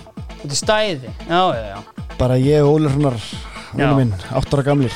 Joe í Tveir. stúkunni, að sjálfsögðu. Uh, Sko Það er svona svipað svona aðdrandina leiknum. Þetta er svona mjög svipað og var í gangi á HM 98 Það sem voru alltaf fengnin einhverju menn í settið sem vissi ekkert um fótbolta en vissi fullt um landið. Já. Það fengin hérna einhver ítalsk uh, hérna, ég man sérstaklega alltaf eftir því sko að það var einhver ítalskur Íslendingur fengin hérna og já, ég vona náttúrulega að Roberto Baggio geri aðeins betur eitthvað. það hefði ekkert til málan, þetta er hörmulegt content. Menn að snuða Kristján Jóhansson enn Já, eitt já, árið, og, veist, og þarna erum við bara eitthvað, við erum að heyri í Þorfinni Ómarsinni sem eitthvað hafði einu sinni kíkt til Fraklands eða eitthvað og þetta er bara svona algjört svona, veist, það er verið að ringi hvaða góm sem er Já, til að já. fá veist, þessar skýringar. En þú veist, þessi leikur uh, Frakkat er náttúrulega hlæja að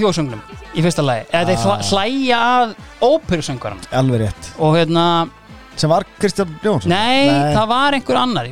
Hendið okkur í leiðrættingu hodni hver það var. Ég- Friðgir Allir það ekki.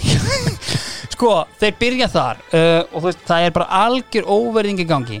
Uh, Óverðingunni líkur þegar Ríkaru Dagason sendir okkur inn í draumaland Geggjaður dítel, þeir fóru í viðtal einhvern tímann á fótbolti.net, Rikki Daða og hérna, Rúna Kristins. Þetta, þetta var bara upplegg frá Gauja.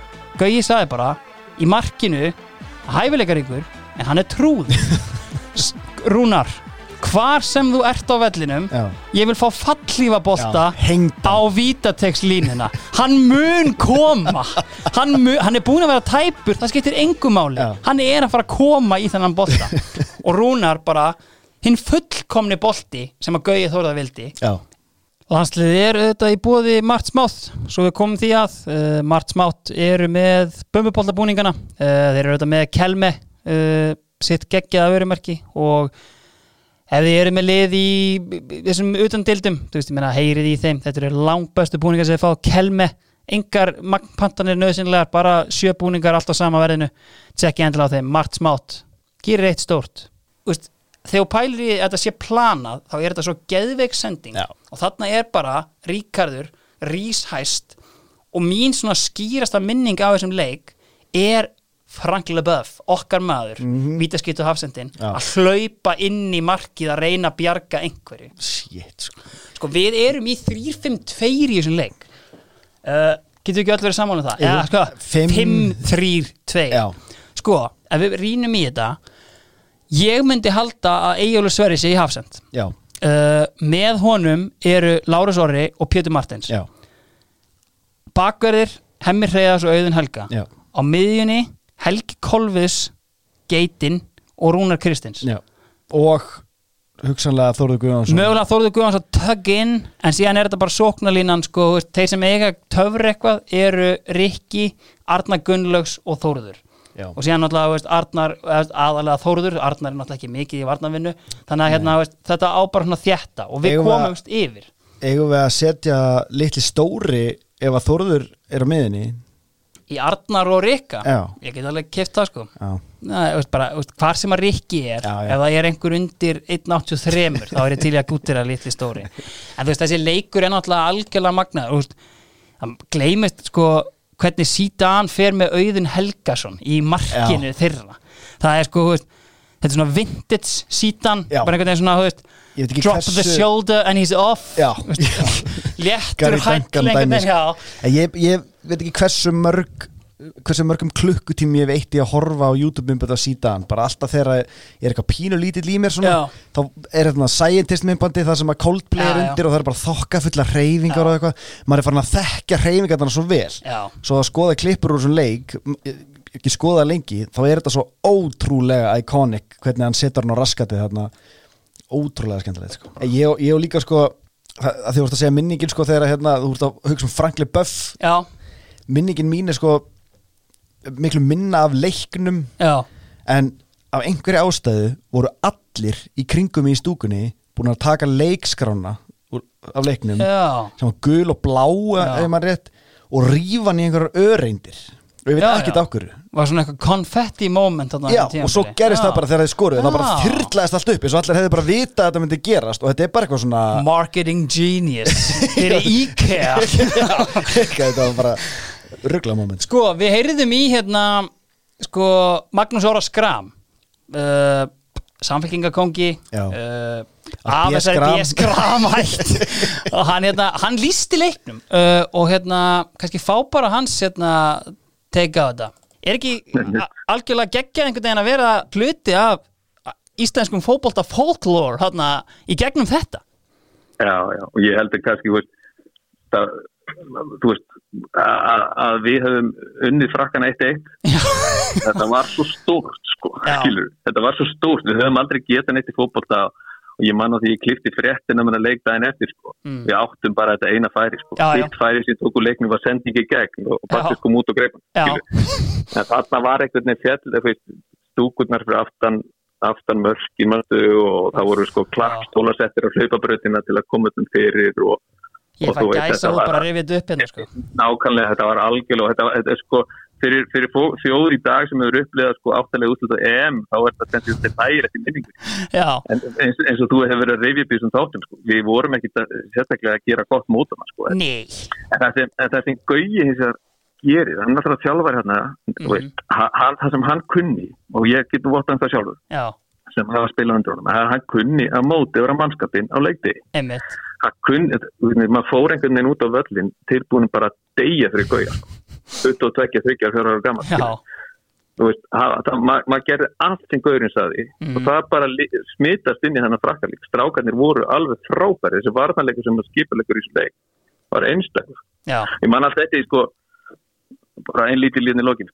Ég er, hérna, ég er hægri bakk í Já. og er að koma inn haldið með eftir undanáttum í, í, í, í, í, já, og þá segir Gauði við mig, ok, það þú ert að gera, þú ert að passa hann að sendir hann kallæði. Þú skalt aldrei sleppa hann svo langt frá þér að þú getur ekki stungið þumalputtunum upp í ORM. Nákvæmlega. Og fyrir 23 ára gamla strák að fara að spila fyrir KR í undanúslitum, þetta satt í minningu. Já. Og ég sleppti aldrei helvið sendir lengar frá mér en það að ég get ekki nei, já, Þetta er Gauði nót. Þetta er Robert Pires hérna. Þessi leikmaður Hann á alltaf Gauji, what a fucking magician. Ég meina það er bara, við erum búin að ræða þetta áður hérna. Gæinn kann að leggja upp leiki. Já. að sjálfsögðu var hann geggjaði með landsliðinu. Það sem er svona sorglegast fyrst mér í þessu einhvern veginn að þú veist, og náttúrulega gerist náttúrulega enn síðar meir, að þú veist, þarna ertu með, að því ég er svo riðli fyrir kannski betur yfir á næsta ári eh, sem sagt 99, en þú veist við eigum séns veist, við erum búin að ná punkt á móti frökkum. En þú veist, og við erum með alvöru lið. Það eru leikmenn að spila í góðum liðum. Það eru fáir leikmenn þetta heima. En þú veist komum við inn á áðan hver var í markinu í þessum leik? Glemtum því, Birki Kristinsson er auðvitað milli stangana Já. allavega það sem er það vantar prófa. Við erum með mann sem er geitin í að leggja upp leiki. Já. við erum með góða leikmennana og bara svona aðeins testament um hversu ógæðslega miklu sveitamenn við vorum. Það er að spila einna klippu frá Þóriði Guðjóns þegar hann mætti í draumalið, tjekkja á þessu. Ég get alveg sagt það, ég er mjög stoltur að þið horfðu tilbaka, ég var í, í, í leikmanna ráðinu í landsliðinu mörg, mörg, mörg ár. Mm -hmm. og þetta var það sem ég var að berjast fyrir, þú veist, síniði smá, þú veist, tillitsimi, Mhm. ekki láta okkur fljúa sko fram og tilbaka um alla Evrópu til þess að enda sko hinum endanum í Evrópu að því að við, þið ákveði hvernig við erum að fljúa og, og svo fram við svo, Já. svo fullt af svona litlum atriðum, bara aðkomunni, aðkomuleysinu, það var svo lítið sem þurfti til þess að sko lifti þessu aðeins upp Mhm. og svekkelsið og svo var þetta, já þetta er bara svona Já. við erum bara sett ykkur við það það var ekkit svona Nei. það að leia fokkar friendship og fljúa tveimur fótballtaliðum með aðstendendu sko, tróðið sko allan niður til Sofíu villilenda þrísvara leiðin og menn mæta hana skakkir og skjaldir og, og veist, eða hestaflutninga vel til veist, það það var ekkit í lægi Armenju leikurinn úti þarna, er þetta ekki þegar við erum með frökkunum í riðli þarna og, já, og rússanum og það er einmitt bara svona leikurinn það er leikurinn sem að þú veist hefði mögulega geta sett okkur í bara geggjaða stöðu og einmitt svona einmitt, í kringum þannleik einmitt, eftir þú segir þetta bara hestaflutningavélin, þetta er fyrsta skitt sem ég hef heyrtið en veist, það var bara keisið, flutningurinn var bara þannig. Það bara, s- síðustu farþegur undan voru hestar á leið til, til IS í, í Belgíu. Og, og hérna og svo var bara skellt í sætum í þess að við og við flugum í henni. Risastór svona frakt hlera á henni sem lag þannig að það var blöyttin í velinni og svo bara hesta lykt. Og, og þetta kostaði það sko, svo fljúum við heim og spilum við rússa þetta heim og ég tókn eftir 30 sekundur Já, veist, þetta er bara veist, Hestaflutningavél mér finnst sko lekin á hleranum eiginlega vera það versta sko, þú veist, af því að það bendir til að hún hafi semi verið opin Já. Þú veist, pældi að Gilvi sig væri bara í einhverju skýta hestafíl Eh, þetta er algjörlega þetta er bara sorglegt að þessir gæjar einhvern veginn og maður finnur það svo fast einhvern veginn þegar þessir gæjar er fengnir við til að rifja upp hvað það er mikil sorg og eimd einhvern veginn í því bara að sjá þess að gauðra í dag. Þetta þetta er ekkert eimd og sorg en það er bara what could have been. Já. það er klálega þarna. Sko ég vil kannski nefna aðeins eitt í, í hérna lokin. Sko uh, Kristoff Dúkari auðvitað jafnar eftir hérna snúningin frá sítan Arnur Guðjónsson sagði mér einmitt að sko, hann spilaði með Dúkari efnilegasti leikmaður sem ég séð. Efnilegasti? Já, hann bara sagði, veist, á þeim tíma sem ég spilaði með hann þetta er bara mesta talent sem ég hef séð. Fyrir utan Enzo Skifo sem er, þú veist, gæði sem fekk gullboltan á, á HM og eitthvað, hann mm. Dúkari, vinningu á nafnið. Að lokum, undir 21 árs leikurinn, gleymist að sko, veist, alltaf í undankeppninu var bara sama U21, Já. þannig að það var Ísland, Frakland U21 á Akranesvelli 0-2 sigur Frakka. A little fella called Nicholas Anelka með fyrsta mark leiksins. Ok. Þandi netmöskuna hérna í vindinum upp á Skaga. Já. hefur aldrei liðið betur en hérna inni í félagsheimilinu Hver er hérna. fyrir þarna? sko, mann ekki í markinu sko, en, jú, Mikael Landrö hérna, Lill Legend. Uh, Willi Sanjól já. Mikael Silvestre og Filip Kristanval Barcelona kongur uh, Didier Domi, Newcastle Legend Alu Sisse Já, uh, og frammi varstu með Anelka og Stephen Dalmat Tottenham Legend. Já Fulham legend. Já, ég gæti hann Tottenham Legend. Ó, Fulham? Já, var það ekki? Já, hann er náttúrulega legend á Nei, hvorum ég er, er ruggla með Steve Marley sorry. Já, já, já, nei, nei, hérna Stephen Dalmat Já, já. Inn á kemur Íslands vinurinn Louis Saha. Öðru sinni? Já, legit Íslands Já, vinur já, já. Ég sendi mitt á hann sko Ég man ekki hvað ég sagði það í síðast dættin Ég sendi á hann sko Eftir hérna Þegar ég var að grenza bara Fá okkar teika á. Átjónleikin Nei, ekkert svar Nei. Síðan var ég yfir fyrir þessu og bara sendi hann aftur bara What? You came here again? ekkert svar enn borist sko En veist, líka bara í íslenska liðinu sko, Þar eru alveg, veist, þetta er alveg legit lið Með, þetta Pung Ólafsson Ólaf Þór Gunnarsson í markinu Ok, Bjarnar Guðjóns, Fannar, uh, Arnar Þór Viðars Heiðar Sigurjónsson Ne, uh, Heiðar Helgursson Ne Sigurjónsson og hérna, veist, bara allir leikmennir eiga landsleiki. Fyrir utan Þorbjörn Atla Sveinsson. Byrjaði på topp. Þorbjörn Atli Sveinsson. Já, þú veist, fram hérna, þú veist, bara, var efnilegur í svona 20 ár. Já. og hann, sko, ég held að hann þú veist, við vorum eitthvað að fara yfir þetta. Uh, 60 Cap Club Legends. Uh, National Team Legends. Gaurar sem eiga þú veist, haug af yngri landsleiki Já, og þetta er náttúrulega ótrúlegu fjöldi, ég minna, veist, 60 Já. það er veist, galið og, Og ég, ég held að þetta er ekki bætt. Nei, Og, og fundu við hvernig, ég man ekki hvernig það var. Sko Pálmi Haraldsson með 56 Já, og hvort ef að ég held samt að við hefum endað á því að kongurinn í þessu væri Valur Fannar sem á 62 yngri. Það, Og það verður ekki bætt. Nei, ekki úr þessu sko. Herðu, uh, eru ekki bara orðin góðir eða? Uh, lægið, Já, uh, hvað höfum við þar? sko, þetta er náttúrulega stórt ár Já, og mörglegu sem komið til greina.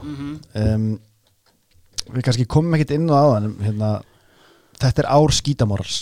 Já, og sko mér langaði bara að nefna hversu mikill offsin er því vorum að tala um áðan sko hérna keika-offsan sko. Já, það er álíka offsi þegar kemur að skím og æðinu og þetta, þetta er þeirra ár. Ég meina, það kemur hérna vorið um vorið 98 Já. kemur út lagið farin Já, já þannig er Einar Bárðarsson, hann er komin í vinnuna Þetta var og sko þetta verður trölla hittari og Skímó eru búin að vera bara svona one of the bands, þú veist hérna, ekkert, ekkert Mhm. meir en hinnir Nei, sko nei, einmitt. en náttúrulega Einar Ágúst sæningið Já, frá því já. fyrra strax farið að Signing skil of the einhver sko season, signing of the decade já. og, og við tölum mikið um þess að grettu þú veist, það er hans já, áhrif þarna. Já, það eru alls konar lög eins og Silicon sem er náttúrulega bara holdgerfingur þessar tímabilsetin já, en voru kemur þetta lag út og allt, allt verið trillt. Platan kemur út um sumarið, nákvæmlega platan Já. með bara einhverjum þrem fjórum trölla já, hitturum já, bangers. Uh, um sumarið þá þetta er í gýr nú, eina bárðar á Já. dílar við heklu. Alveg rétt. Bíl á mann enganúmer, skím á 1 skím á 2, skím á 3 skím á 4, skím á 5 og þarna bara rúndaðir um bæinn og þú gæst bara séð, þú veist, þarna kemur það mætti halda að Eggy Magnuson hefði gert Já, þennan þetta er bara eitthvað marketing legend þarna. Og ég meina, ef ég maður voru þeir allir bílarnir með sikkorn litin eða eitthvað, þetta var bara svo Power Já. Rangers eða eitthvað. Þeir voru, þetta voru bara stjörnundar hérna. Já, og svo kemur sko um haustið og kemur heimildamind á stöð 2 um skítamóral. Komast í hana takk Heyrðu, um veturinn endar þetta svo að því Mikael Torfason skrifar bók um hljómsveitina sem er full af glansmyndum í stíl við erlendar strákasveitir. Glamur Ah. tímabil skítamáls nær hámarki þarna. Og ég meina, þú veist Mikael Torfason er að taka svo mörg skrítin verkefni Já, ég meina um hvað þetta að skrifa? en, þetta er alltaf þeirra ár en samt ekki þeirra lag Nei. í þættinum 98 sko ég tók eiginlega hérna ég tók eiginlega hérna fyrir þetta og hérna sko það er lag, ég er ekki mikill hérna ensýmis maður almennt, Nei. en Atari Já, eða Atari og ég, ég, ég er með þetta sem Atari. Þetta lag er geggjað og svona þú veist og þú veist bara svona Foo Fighters gýr einhvern veginn. Já, ég vil eiginlega bara ljúka þess á þessu lagi. Geðveikt lag. Samþykk af plötunni Kaðbáta Músík Orri, sástu ekki bara næstu ykkur? Gerum það. Gerum það, heyrumst